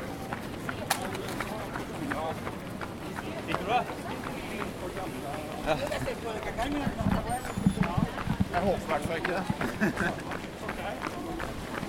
Ja, du sa på Barkley-dokumentaren der bruker alltid å, å finne han det svakeste. Det svakeste leddet. Ja. Og gi han startnummer én. Ja. Fordi han vet at han kommer å være ferdig først. Ja, det var det jo på den Barkley-dokumentaren. var det sånn her Ex-marine som kom dit i camo-bukse og vinner liksom eh, 150 kilo fordi at han bare var en stor mus muskelklump. Ja. Alle så på han kom ikke til å klare det. Nei. Og selvfølgelig så klarte han det. Nei, men det er jo Du har jo ikke, du har jo ikke oddsa med deg da, på Barkley. Hvor mange er det som har eh, 15 stykk ja, har gjennomført. på hvor mange år? 20 eller noe sånt. Og for hver gang løypa klares, så gjøres den litt vanskelig ut året etter. Det vil si at eh, den siste personen som klarte den, har på en måte gjort den tøffeste, største bragden. da. Ja. Og det er jo også fascinerende. Og veldig interessant, fordi jeg tror ultraløpingen hele tiden utvikler seg. da. Så jeg tror det skal mer og mer til å, å vinne ultraløp. Den som vant uh, et ultraløp i 2010 Um, Ja, jeg tror, jeg tror det er en større prestasjon å vinne ultraløp i 2018 da. Rett og slett fordi det er flere løpere og større konkurranse og mer fokus på det. Ja. Eh, Ja. Ja. Det nå. Ja, det tror jeg ingen kommer til å gjøre igjen, da. Så selv om han antageligvis var langt forut for sin tid, og, og mange av de tidene han løp da, eh, er fortsatt veldig bra, så, så tror jeg heller ikke vi kommer til å se at noen tar den eh, sju år på rad. Men eh, det er jo det jeg liker sånn sett med, med faste ruter. Jeg syns det er gøy å sammenligne tider. Så jeg skjønner at Barkley er et konsept der eh, løypa forandres. Men det er jo gøy å kunne sammenligne tidene sine med sånn som Scott Jurek, da. Eh, hvor god var han? Jo, det er jo bare å se på tidene hans. Og så vet man at samme løypa eksisterer 10 eller 20 eller 40 år etter, da. Så kan man faktisk teste seg da, mot, mot en legende man har lest om i, i bøker. da. Det er jo sånn som i, eh, i Tromsø Skyrace, da. Der er det jo samme løypa er den samme år etter år. Den har justert seg litt. Stort sett så er det jo bra. været. Været forandrer seg jo, og snø, Ja, snømengdene varierer jo. ja, Så det er litt vanskelig samtidig også. ja da. Alt annet likt, så da må man jo man løper innendørs, da. Så det er mange idretter som, eh, som sliter med været, så det er ikke noe Jeg vet ikke om det er noen som ser på hopprenn lenger, jeg, men eh, det er kanskje noen Men eh, Men det er jo selvfølgelig sant. Og sånn som uh, løyperekorden i Western States er jo satt et år det er et år det var kaldt. Eller det vil si kaldt. Eh, over 20 grader er jo ikke optimale forhold, men det er i hvert fall betydelig mildere enn det det kan være, da. Så det er klart sånt har noe å si. Kan det bli på States? Hva er det verste? Når jeg løp det i 2016, så var det da var det 38 grader eh, i skyggen. da. Og da er det jo da mye av løpet går da i sola på ja, litt sånne støvete amerikanske dirt roads, stier. Så det, det stek jo rimelig, rimelig bra der. Det var enda varmere i fjor. I 2017 var det da var det ca. 40, tror jeg. Og det var et varmt år, da. Det året jeg løp også, var det, var det varmere enn normalen. da. Så det er jo et, spesielt løp, ikke sant? for i starten så står det jo Starten går klokka fem om morgenen. Da står du og fryser på, på startlinja. Og så løper du opp på ja, opp alpinbakken. Du løper over snø, ikke sant. Eh, noen år er det mye snø. Det har kanskje ikke rukket å smelte, så det er en snørute, en egen løype. Eh, og så etter hvert så løper du ned i lavlandet og ned i de canyonsa hvor det er ekstremt varmt. Da. Så det er jo det er et løp som sånn sett har alt. da. Så krysser du en elv som er iskald pga. smeltevannet, ikke sant. Og så, så er det opp i, opp i varmen igjen. Og så mot slutten av løpet, så avhengig av hvor, hvor raskt du løper, så klart, så, så begynner jo dagen å, å gå mot kveld, og sola går ned, og det begynner å bli, bli kjølig igjen. Så ja, man skal? Ja, løpet Det starter på 2000 meter, og så løper man opp til 2008 ganske kjapt. Så er de første, mi, de første fem mila er eh, litt over 2000 meters høyde. Så de første mila er jo tøffe sånn sett, da. At det er i høyden. Og så Det er nok til at det kjennes litt Ja, det er nok til Ja. Fordelen med det er jo at det er forholdsvis tidlig i løpet. Så jeg tror ikke man blir så mye prega av det tidlig i løpet som man hadde blitt hvis man hadde løpt etter ja, hvis løypa hadde vært snudd, da. Eh, men der eh, Ja, man merker det jo hvis man løper på sånn 2-3-2-5, så kjenner man, eh, kjenner man det, altså. Så og så løper man etter hvert ned i lavlandet, og mål er vel på 300 høydemeter eller noe sånt. Så, så man løper jo netto nedover. Det er vel 5500 høydemeter og ja, over 6000 eh, meter ned, da. Du, det der storyen om han som eh, Han som eh, kom på opp siste oppløpssida, Ja. som ikke klarte å gå eller komme seg på sin egen med, hjelp av sine egne bein. ja, det er jo det er jo en regel det der at hvis du, hvis du får hjelp, så, så blir du diska. Det året jeg løp, eh, så han som leda da, som kryssa elva etter 80 miles, Jim Womesley, han eh, ja, det, er, det, er, det er ganske stor elv, American River. Så er det tau over elva. Um, og det står folk ute i vannet og holder tauet for deg. Det er flåter um, ja, som, folk, eh, som folk sitter i. Um, det han, eh, Jim Walmsley gjorde, var at han eh, han slapp tauet og skulle svømme over selv. Og det veit jeg ikke. Han ble tatt av strømmen. Han trodde vel at det skulle gå fortere da, å svømme enn å dra seg over med tauet. Han ble tatt av, eh, av strømmen. Og da fikk de noe streng beskjed om å ikke hjelpe den. Fordi hadde de hjulpet den, så hadde den blitt diska. Så, og da skjønte jeg vel ikke helt hva de flåtene med, med folk som ror der, gjør. Hvis de likevel ikke kan, kan gjøre noe. Det er kanskje enda mer i hørte intervju med han Seise etter, etter racet. Og det så jo veldig dramatisk ut. da Alle skulle bli dratt ned flere hundre meter. Ja. ja så, Men så var det mye grunnere enn han trodde. Ja. Han trodde, liksom, etter at de dratt ned 50 meter, så, så begynte han å litt på beina og viste seg at han var jo grunnmann hele veien. Det var jo etter eh, Det var etter 80 miles i, i varmen, skal sies. Han begynte vel å bli litt sliten i hodet òg. Så kanskje han ikke klarte å tenke helt, eh, helt rasjonelt, da.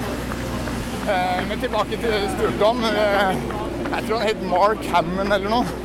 Han løp Ja, han leda jo løpet og kom på oppløpssida. Det er litt Litt artig oppløp, egentlig. Man kommer inn på t- treningsanlegget til eh, Placer High School, heter det i Auburn. Så løper man da 300 meter på, på en friidrettsbane. Altså tre, tre fjerdedels runde. Man kommer i mål da på langsida. Man kommer da inn på stadion. Har da 300 meter igjen, og så Jeg tror jeg sprunget 159 km. Ja. Etter å ha sprunget da 99, ja, 7% av løpet. Og, skal, og leder i tillegg. Kanskje det, det mest kjente ultraløpet i USA. Og skal på en måte bare heve pokalen, og så ja, kollapser da på, på bortre langside. Eh, noen, ja, noen få hundre meter før, eh, før mål. Eh, jeg, jeg løp i 2016, så skulle hun da tilbake for første gang etter kollapsen. da. Så hadde ikke Jeg tror det var i 2006. Jeg tror det var ti år før eh. Ja, jeg tror det. Så ja. Og, og han fikk jo ja, veldig mye oppmerksomhet, og folk virkelig heia og jubla og håpa på han. Han hadde jo ingen vinnerambisjoner ti år senere, men bare historien hans er, er veldig Ja, hva skal jeg si? Nei, han, eh, han kom aldri til Nei, i 2016 Han fullførte på Jeg er ikke sikker. Han, eh, han hadde jo som Det som er litt, litt sånn artig med, med amerikanerne, er at de, de har litt sine egne greier. Blant annet det her å øh, løpe en 100 miles. Eh, kvalifiserer til en, til en beltespenne. da. Så hvis du løper under 24 timer, så, så vinner du en eh, beltespenne i sølv. Uansett om det blir nummer tre eller ja, nummer 100, så lenge du kommer under 24, ja, så lenge du kommer under 24 timer, så får du en beltespenne. Så jeg tror han akkurat klarte det, da. Sånn sett så var vel det en seier for han i seg selv, da. Eh, og så makstida på løpet er 30 timer, så man har ennå seks timer på seg. Men den er beltespenna, det er forskjellige varianter av den også. Er det ikke Eller er det bare sånn? Nei, det er, eh, hvis du løper under 24 timer, så er det så er det sølv. Og hvis du løper under 30 timer, så er det vel Jeg tror det er bronse eller noe tilsvarende. Er det noen andre som er under 18 eller? Eh, nei, ikke som jeg vet. Det er I hvert fall fikk ikke jeg det. Derimot så blir man jo garantert eh, Jeg fikk en veltespenn i sølv på andreplassen min. Og, og ja, i forhold til eh, topp ti så er jo de garantert startplass året etter, da. Det høres kanskje rart ut, men bare det er eh, ja, er, eh, er, er viktig for et løp som det er. Det er faktisk vanskelig å, å få startplass til. da. Det er eh, Jeg tror det er omtrent 3 sjanse for å, få, for å få plass hvis du, hvis du melder deg på første året. da. har du brukt den beltespenna på bilen? Jeg har ikke Nei, ikke. Det er ganske nisje.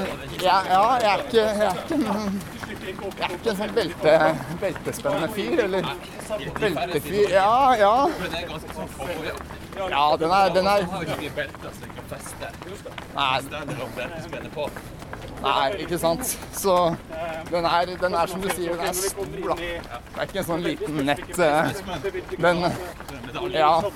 Så den, eh, den veier sine gram i sølv, så det er jo, det er for så vidt hyggelig. Men eh, det er ikke noe jeg går rundt og, og brifer med. Nei, kanskje hvis jeg, hvis jeg tar meg en ferietur til, eh, til Texas eller eh, Så ja, så kanskje jeg må dra den på meg. Men eh, foreløpig tror jeg den ligger, ja, den ligger trygt et eller annet sted i, i kjelleren. Du, der eh, varmen, hvordan er det man eh, fra Oslo og Norge kan uten å dra utenlands og og trene i varme, hvordan det kan eh, simulere det i Norge? Det er eh, Sitter du i badstua, eller setter du en eh, tredemølle, Altså, jeg har det? Jeg løp Jeg løp aldri i eh, Eller trente aldri i badstue. Eh, Litt fordi jeg ikke har mulighet til det. Altså, jeg har ikke badstue jeg kan ha tredemølle i.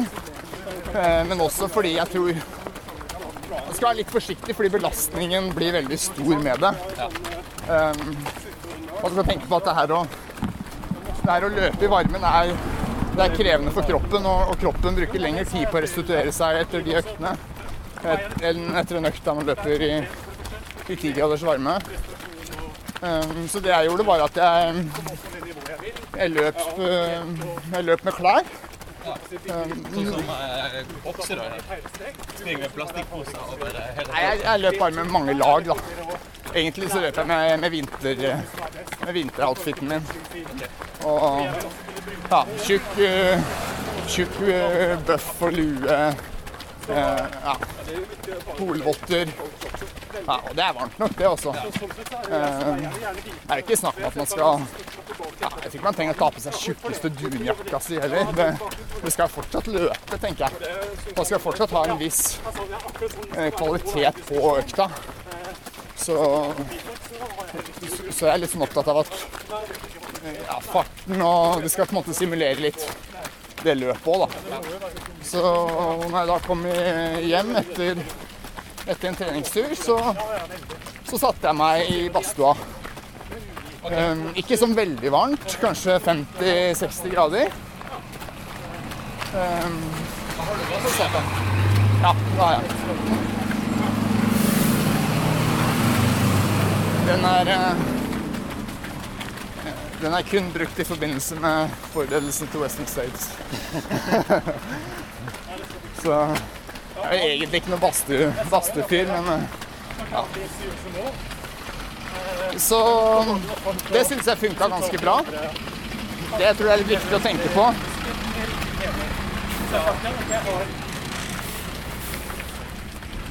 Er at uh, ikke den perioden bør være for lang eller for hard. Tror, Den er varme. ja, den varmetilpasningsperioden. Ja. Og, og gjør det i mange, mange uker. Det, sånn fysiologisk så har det ikke så mye for seg. Og at man, som jeg sa i stad, man blir, man blir liksom sliten av det. Så jeg løp ikke så veldig mange harde økter heller med veldig mye klær. Men mer de her rolige øktene og Kanskje det er mer mentalt også å være forberedt på varmen. At ikke liksom når du står på startstreken Det er jo State og får sjokk. Ja, Bare det at du har vært i på en måte no- noe lignende situasjon før. ja, ja. Den eh, på plass. Ja, det å stå på startstreken og vite at du har gjort alt rett, da. Eller du har gjort alt, alt rett i forhold til hva du har kunnet, da, dine forutsetninger. Ja. Det er jo ja, Det er på en måte en liten seier i seg selv, da. Det her å, ja, det er å gjøre de rette tingene alle de ukene og månedene i forkant, det er jo egentlig en, en større jobb enn selve løpet i mange tilfeller. Og mange spør meg jo f.eks. om det, hva er det som motiverer deg og får deg til å, til å gjøre dette her. Løpe 100 km eller løpe 20 timer.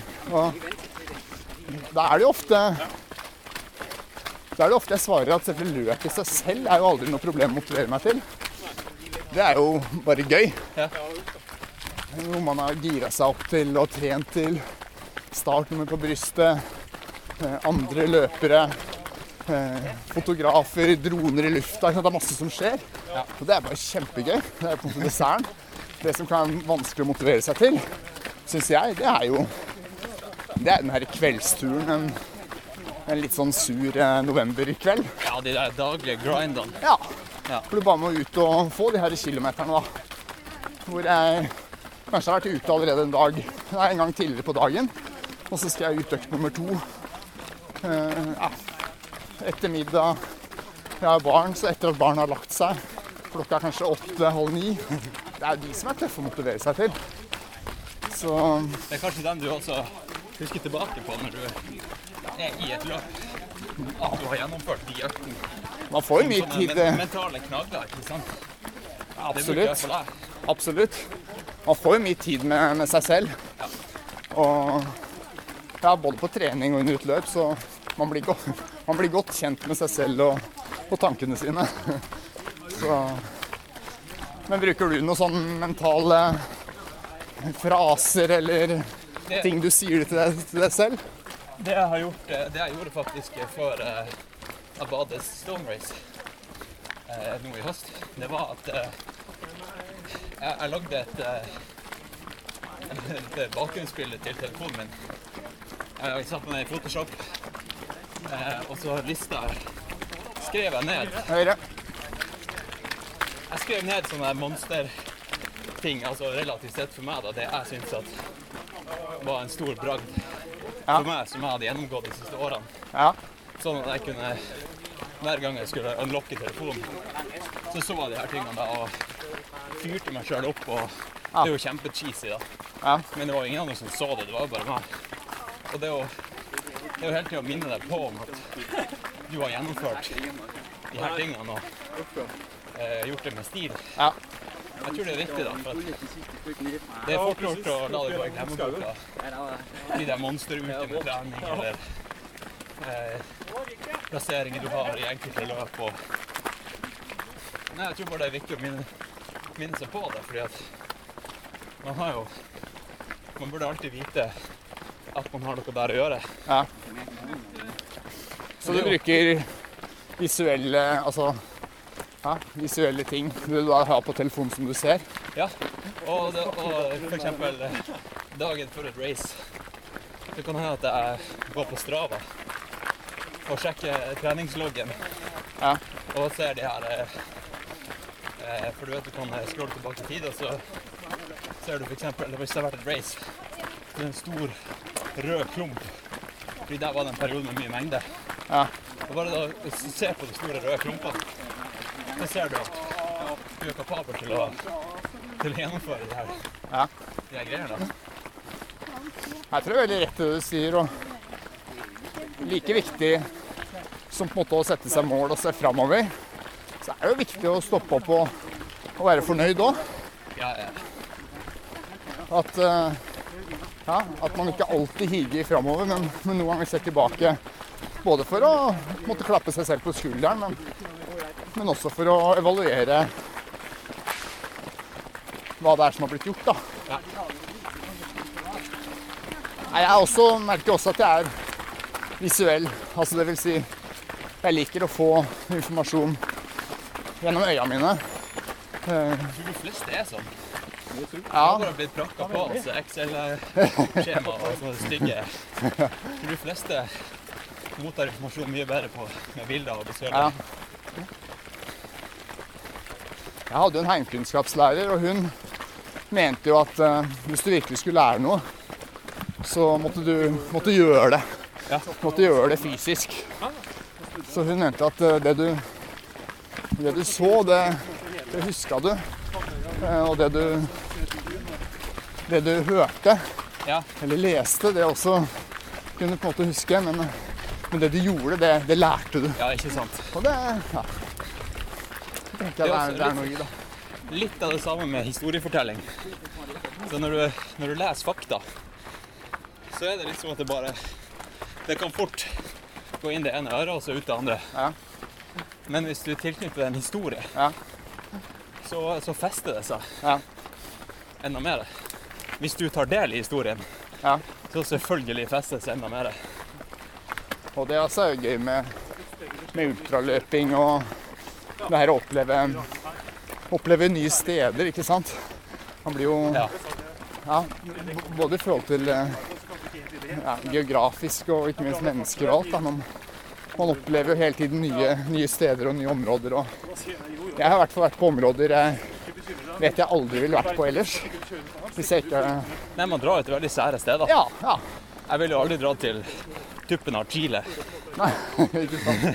Nei, man drar ikke til eh, Man drar ikke til downtown eh, London for å løpe et, eh, en treningshelg, ikke sant. Nei, og man eh, drar ikke til Gran Canaria for å springe på tvers av øya. Som vi gjør nå. Ja. Men når, man, eh, når du står på startstreken og du, du vet at du er, du er kanskje favoritt Når du ser deg rundt og ser alle sånne fitte folk, hender det at du tenker Shit, de her ser jævla raske ut. Ja, altså Blir, blir du redd? Nei, jeg blir aldri redd. Jeg Altså Jeg er jo absolutt eh, konkurransedrevet. Jeg ønsker jo jeg ønsker å vinne, sånn som antageligvis de aller andre fleste jeg står der sammen med.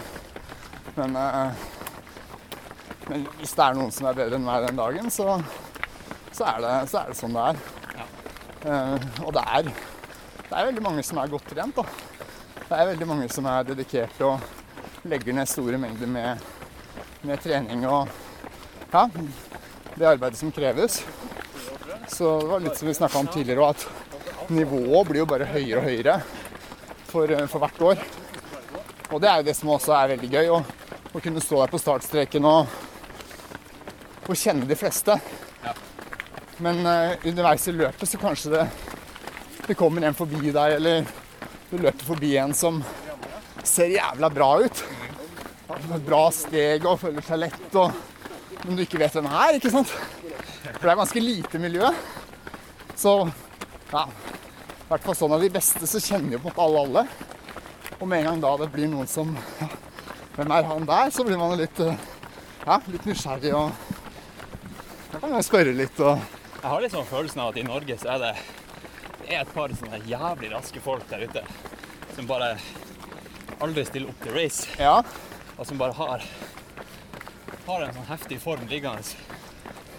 Hadde de, hvis de bare stilt til race, hadde de gjort det dritbra. Ja. Det er veldig mange skiløpere i Norge som bruker stilløping Ja. som, eh, som barmarkstrening og offseason.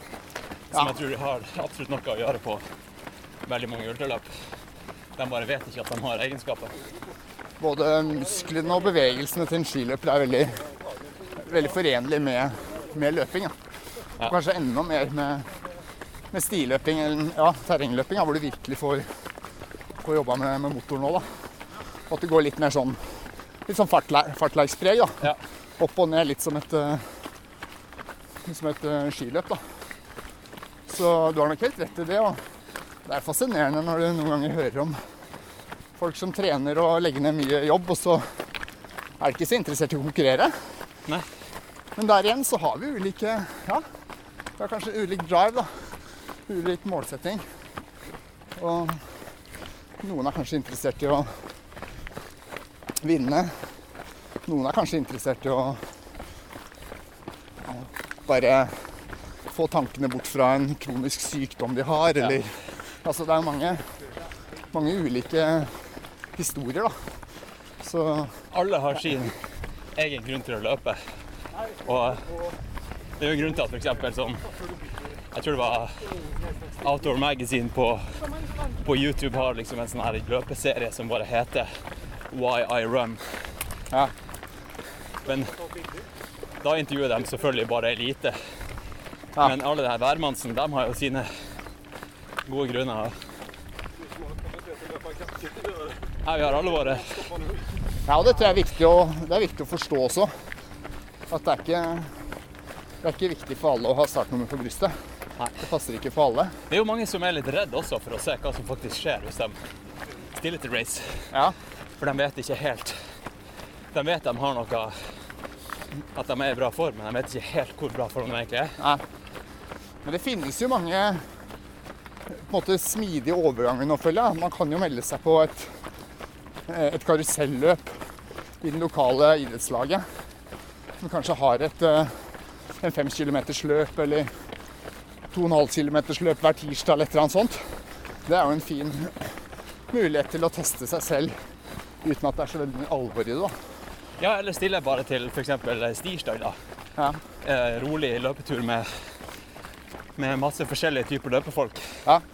Og bare høre på pusten til de forskjellige, og se om du har samme, samme pust. Ja. Selv om man ikke pusher hardt i det hele tatt. Ja. Klarer man å holde snakken gående i en bratt eh, motbakke, da er det jo bra form, liksom. Så er det mye læring å omgås med likesinnede da. Det merker jeg jo på, på en tur sånn som det her. Det her å, å henge med andre som har samme hobby, da. Samme verdier. Det er det jo masse, masse læring i. Jeg lærer jo masse på en tur som det her. Ja. Hvordan trener andre, hvordan spiser andre. Hvordan får de løst det i hverdagen.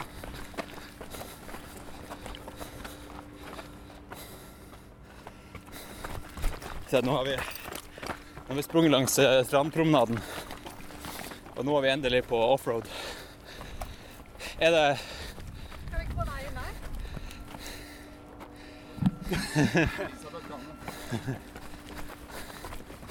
Ja, nå kommer vi oss litt opp i høyden. Så hører du kanskje på pulsen, eller pulsen.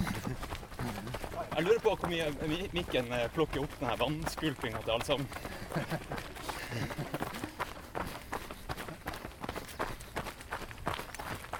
Jeg lurer på hvis det er noen som hører på denne podkasten og er på rolig langtur om de, eh, For de hører jo De springer jo ganske synkront her. Og eh, kanskje de eh, tilpasser seg rytmen til løpinga vår. Ja, det har jeg merka med, med stegfrekvens. Så sier jo boka litt at, at man skal ligge på 180. Ja. Og det, er det, jo, det skrives det mye om, og noen er enig, og noen er uenige. Men det jeg merker, er jo at på rolige turer, sånn som vi har nå, med, ja, med, med stigning og, og terreng, så går stegfrekvensen litt ned. At det ligger kanskje på, på 170 da, i stedet for 180. Ja. Så hvis dere hører på, så, så må dere vite at eh, da må dere springe på samme, samme underlag som oss. Hvis de er på tredemølle, kanskje de kan laste ned Strava-filene.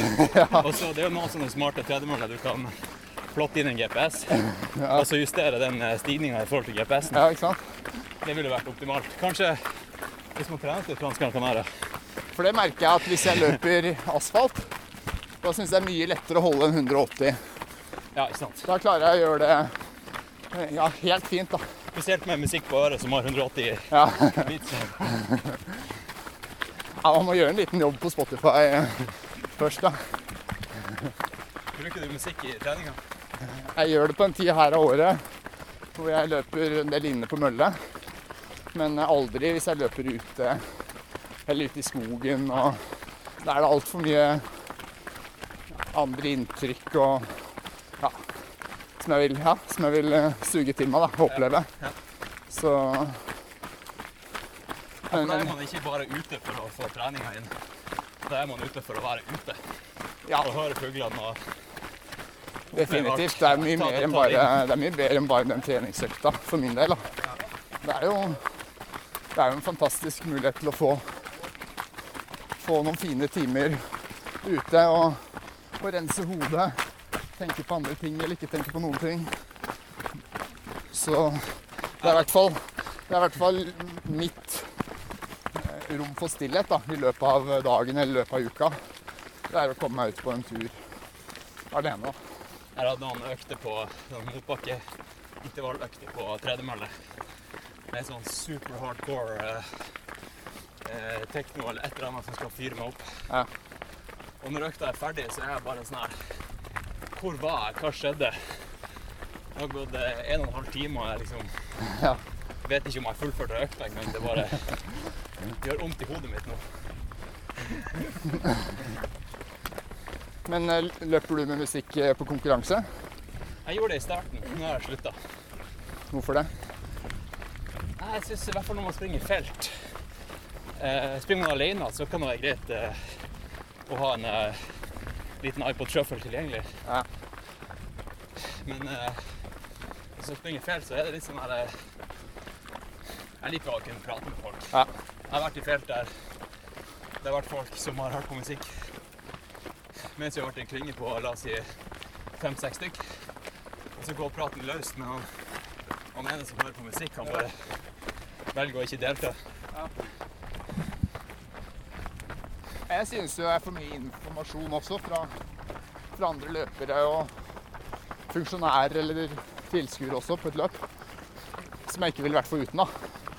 Ja, nettopp.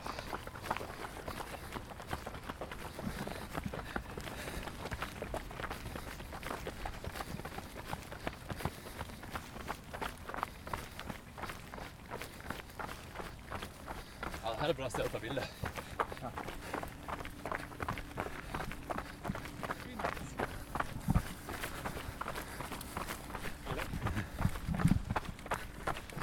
Noe annet å ta opp lyd på en løpetur enn å filme. Jeg merker at liksom eh, man kan løpe mye mer løssluppent. Ja.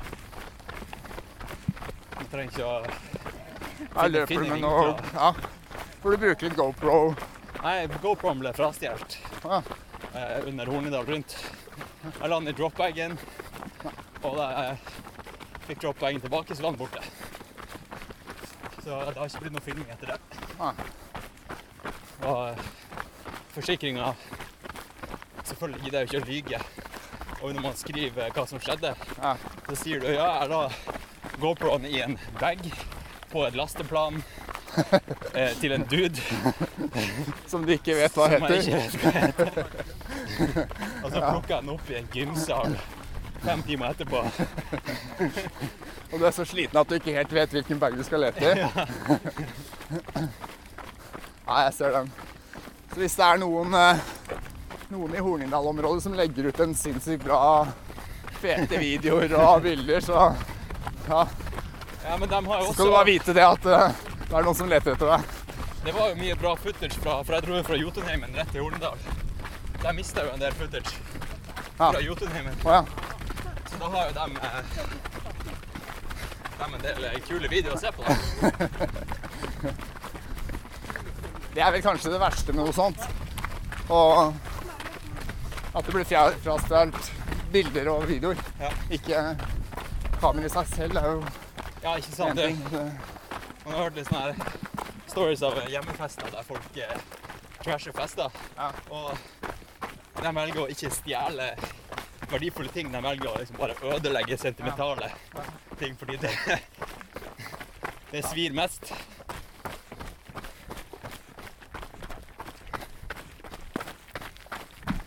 Er litt sånn scary med med lagring av bilder altså nå på skyen. Jeg var på, på Google eh, Jeg lagrer alle bildene mine på- Google Drive nå. Ja. Eller Google Photos. Og så drev jeg og lette etter et bilde her om dagen. Og så Jeg tror det var Jo, jeg tror det faktisk var Skyblazers-logoen. Og så søkte jeg på eh, logo, for jeg vet at filnavnet hadde et eller annet med logo å gjøre. Ja. Og så finner Google frem alle bildene jeg har tatt som inneholder noe som kanskje er en logo. Ja. Fordi at det er blitt så smart at, at en klarer å liksom se Skjønner hva du leter etter. logoer i, eh, i bilder. Ja. Det er creepy. altså. Ja. Da tenkte jeg bare nå, nå har det gått for langt. Nå må jeg ta en type Japan-foto og skrive det ut bildene i stedet. Ja. Men jeg tror det kanskje går den veien. da. Ja, tror du det? Ja, jeg tror det er en grunn til at podkast har blitt populært. At det, det å lytte Ja. eh, Bruke fantasien kom litt tilbake. Det blir for enkelt å bare få scrolle gjennom Instagram og, Ja. og video og bare få alt servert visuelt.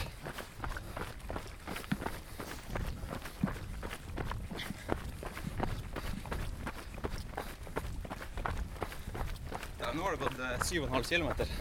Ja. Det gikk fort. Det gikk fort. Da er det bare 40 igjen. Ja. Halvmaraton til lunsj. Ja. ja. Det er fantastisk å bare vite at du har hele dagen tilgjengelig til å løpe. Det er luksus. Ja, det er, eh, det er deilig å, å kunne trene som en toppidrettsutøver noen få dager i året. Ja. Spesielt når man er toppidrettsutøver.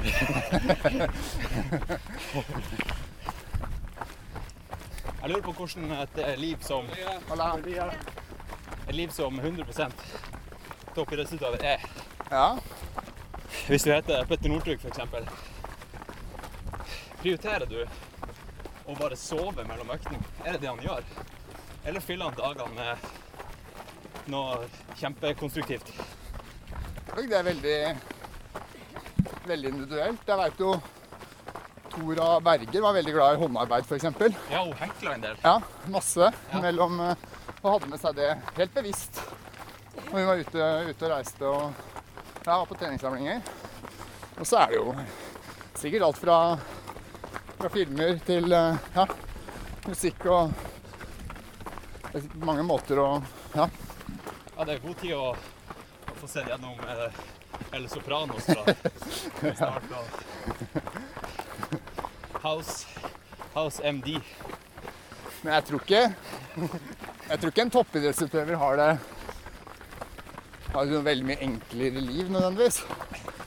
De har kanskje litt mer timer til restitusjon. Eh, Men så er det mange måter å restituere på. Så Og du ser sånn som Petter Northug, som har på en måte alt tilgjengelig profesjonelt personell rundt seg. Ikke klarer sannsynligvis da, å komme i form til OL.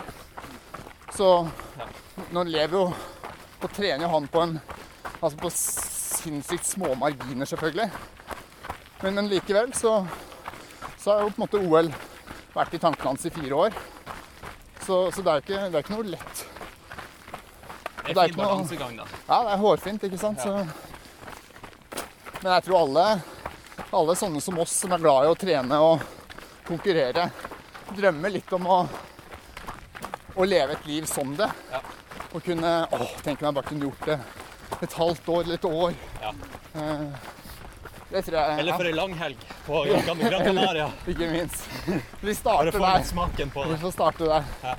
Jo, men en langhelg som det her, det utgjør veldig, veldig mye. Og jeg merker jo, nå er det januar, Og det er eh, ikke like fristende å løpe ute i, i Norge disse ukene her.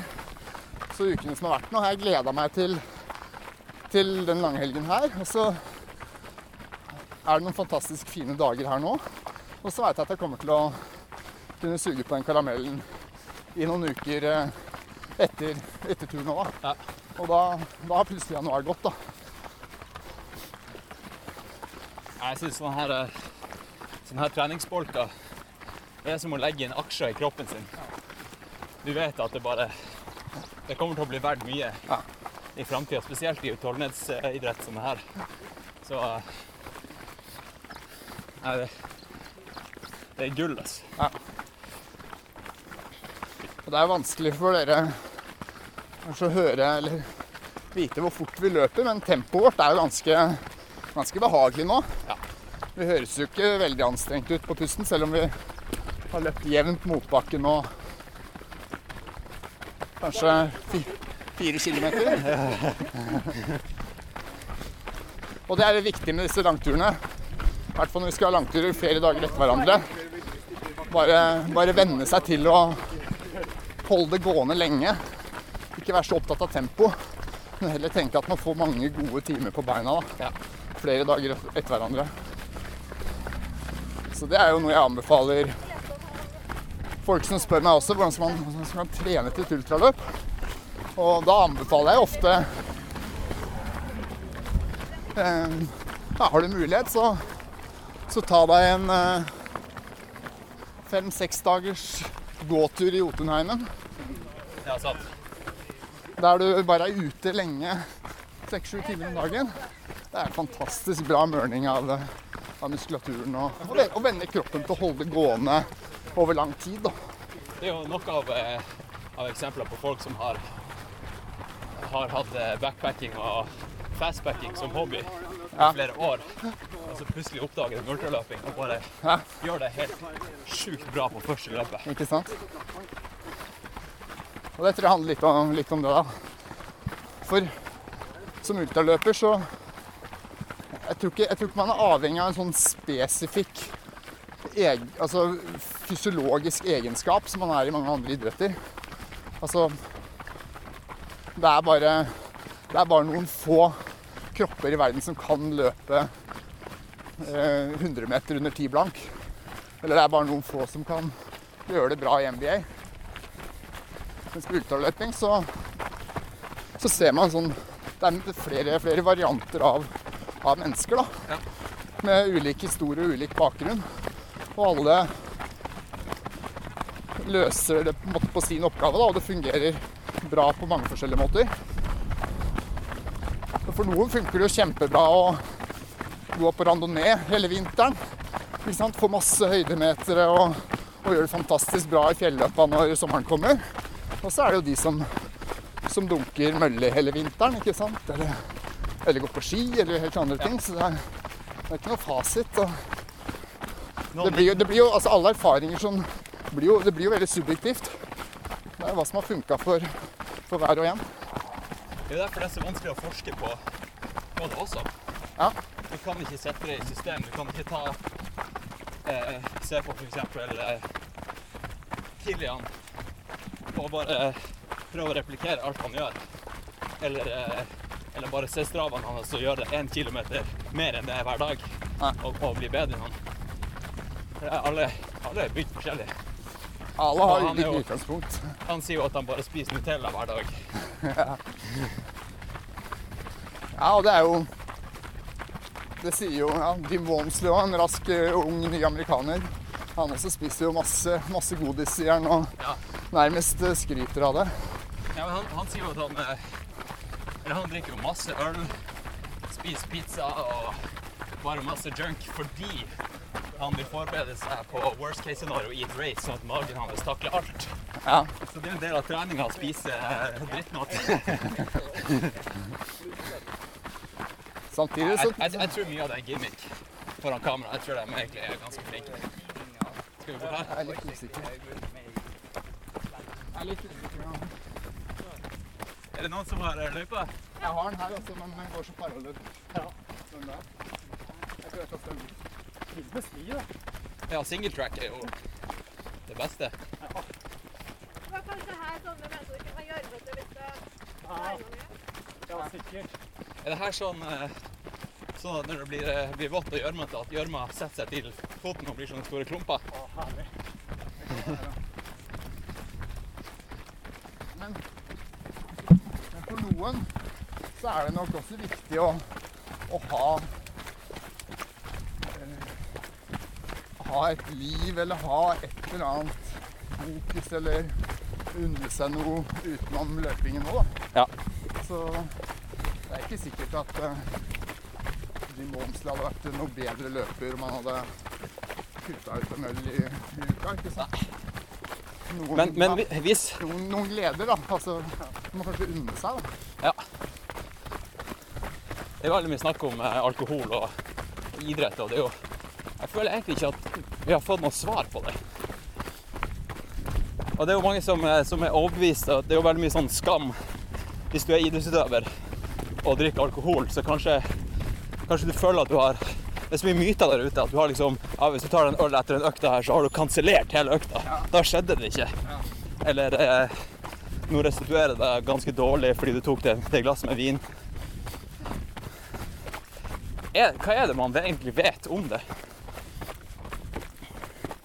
Vet han noe? Selvfølgelig, du skal jo ikke på hardfylla. Jeg spriker forskning veldig. Jeg tror det er viktig å se sånn nyansert på alkohol. da. Altså, det her å, å drikke en øl eller ta et glass vin, det, det tror jeg kroppen eh, ikke er noe plage av. Det jeg derimot syns er interessant, er jo De aller fleste av oss har jo kjent på, på alkoholens virkning på kroppen. Eh, kroppen gjør alt den kan for å fortelle oss at det her vil den ikke ha. Sant? Du får hodepine, du begynner å snakke rart, du klarer ikke å gå rett, du kaster opp. Altså, den gjør alt den kan for å fortelle at 'jeg vil ikke ha det her i kroppen min'. Og likevel så er det mange da som, som hele tiden lytter det i seg. Og, og jeg har litt problemer da med å forstå at selv små mengder skal være bra. Ja. Ja. Jeg tror ikke de kroppslige reaksjonene de kommer jo ikke så tydelig fram når man tar små mengder.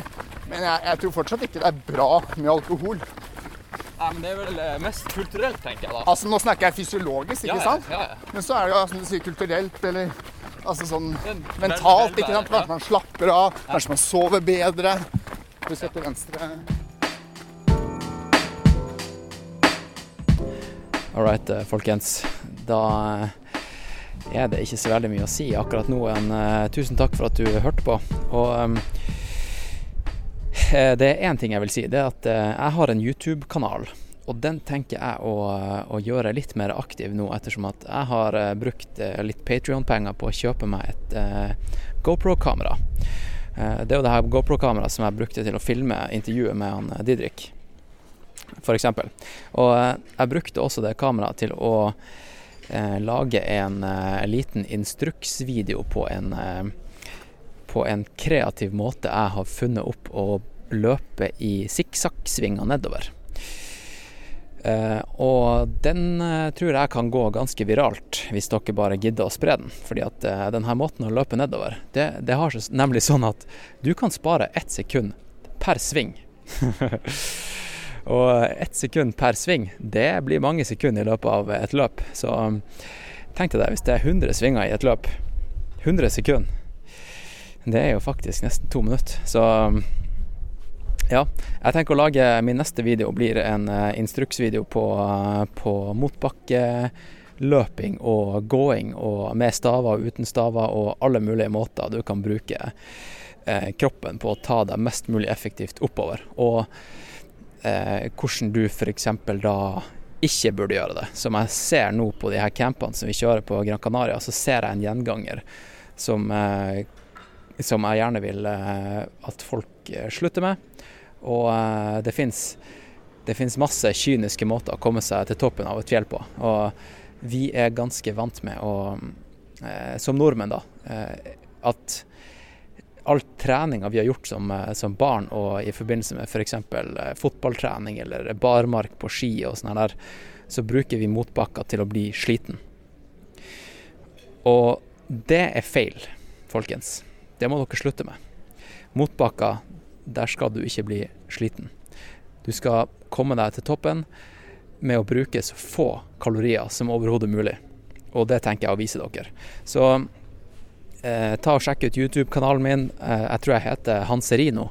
Jeg skal legge en link i shownotes, og så eh, er det bare å subscribe og dele kontoen videre. Og så eh, blir dere med meg til eh, ja, her på Gran Canaria, og når jeg drar til Chile og til Japan etter det. For jeg skal jo springe den der eh, ultra, ultratrail eh, Mount Fuji. Og jeg skal faktisk eh, samarbeide med han der eh, Jamil Curry, som, eh, som eh, er kjent for sin YouTube-kanal. Dere har sikkert sett han der langhåra kisen som lager de her ultrarunning news-innslagene hver eneste uke. Eh, Jeg skal samarbeide med han i Japan, for vi skal dokumentere ikke bare Mount Ava Sky Race, men også lage et type reiseprogram fra eh, der vi viser fram byen Sanjo på best mulig måte for å tiltrekke turister og løpe, løpere. Så eh, tune inn på youtube.com slash hanserino, og så eh, snakkes vi i neste episode. Og neste episode, den er faktisk eh, ja, da skal jeg ringe rundt til eh, litt Patrions. Det blir en ringeepisode. Og episoden etter der igjen, den blir eh, et, eh, også et ringeintervju, eller et Skype-intervju, der jeg skal ringe ei som er hva man skal si, en gründer, eller har starta et nytt fjelløpemagasin. Og der er jeg med i første issue, eller første utgave. Eh, og vi har egentlig bare korrespondert på e-post, så jeg tenker å bli kjent med henne her på, på Skype og recorde hele greia. Og eh, ja, det blir bra. Og så skal vi selvfølgelig få til en del intervjuer fra neste løpecamp her på Gran Canaria. For da kommer det en god del raske, raske kvinnfolk, skal jeg si dere. Mange av dem dere husker fra de her eh, Badass ultraløpene i kvinnerepisoden. De kommer neste uke, så vi skal ta en catch-up med dem, og så, og så sier vi det sånn, folkens. Så, så får eh, Chile bare bli som det blir. Vi får se hva det blir til. Men eh, det er eh, Ja, det blir bra. Det blir, det blir bra. OK? Da, da signer jeg opp her fra, fra Artenara, så skal jeg få i meg litt eh, et, eh, et solid eh, stykke Kanskje en eh, Kanskje pasta. Pasta, det høres bra ut. OK, hold det ekte, folkens. Hold det ekte.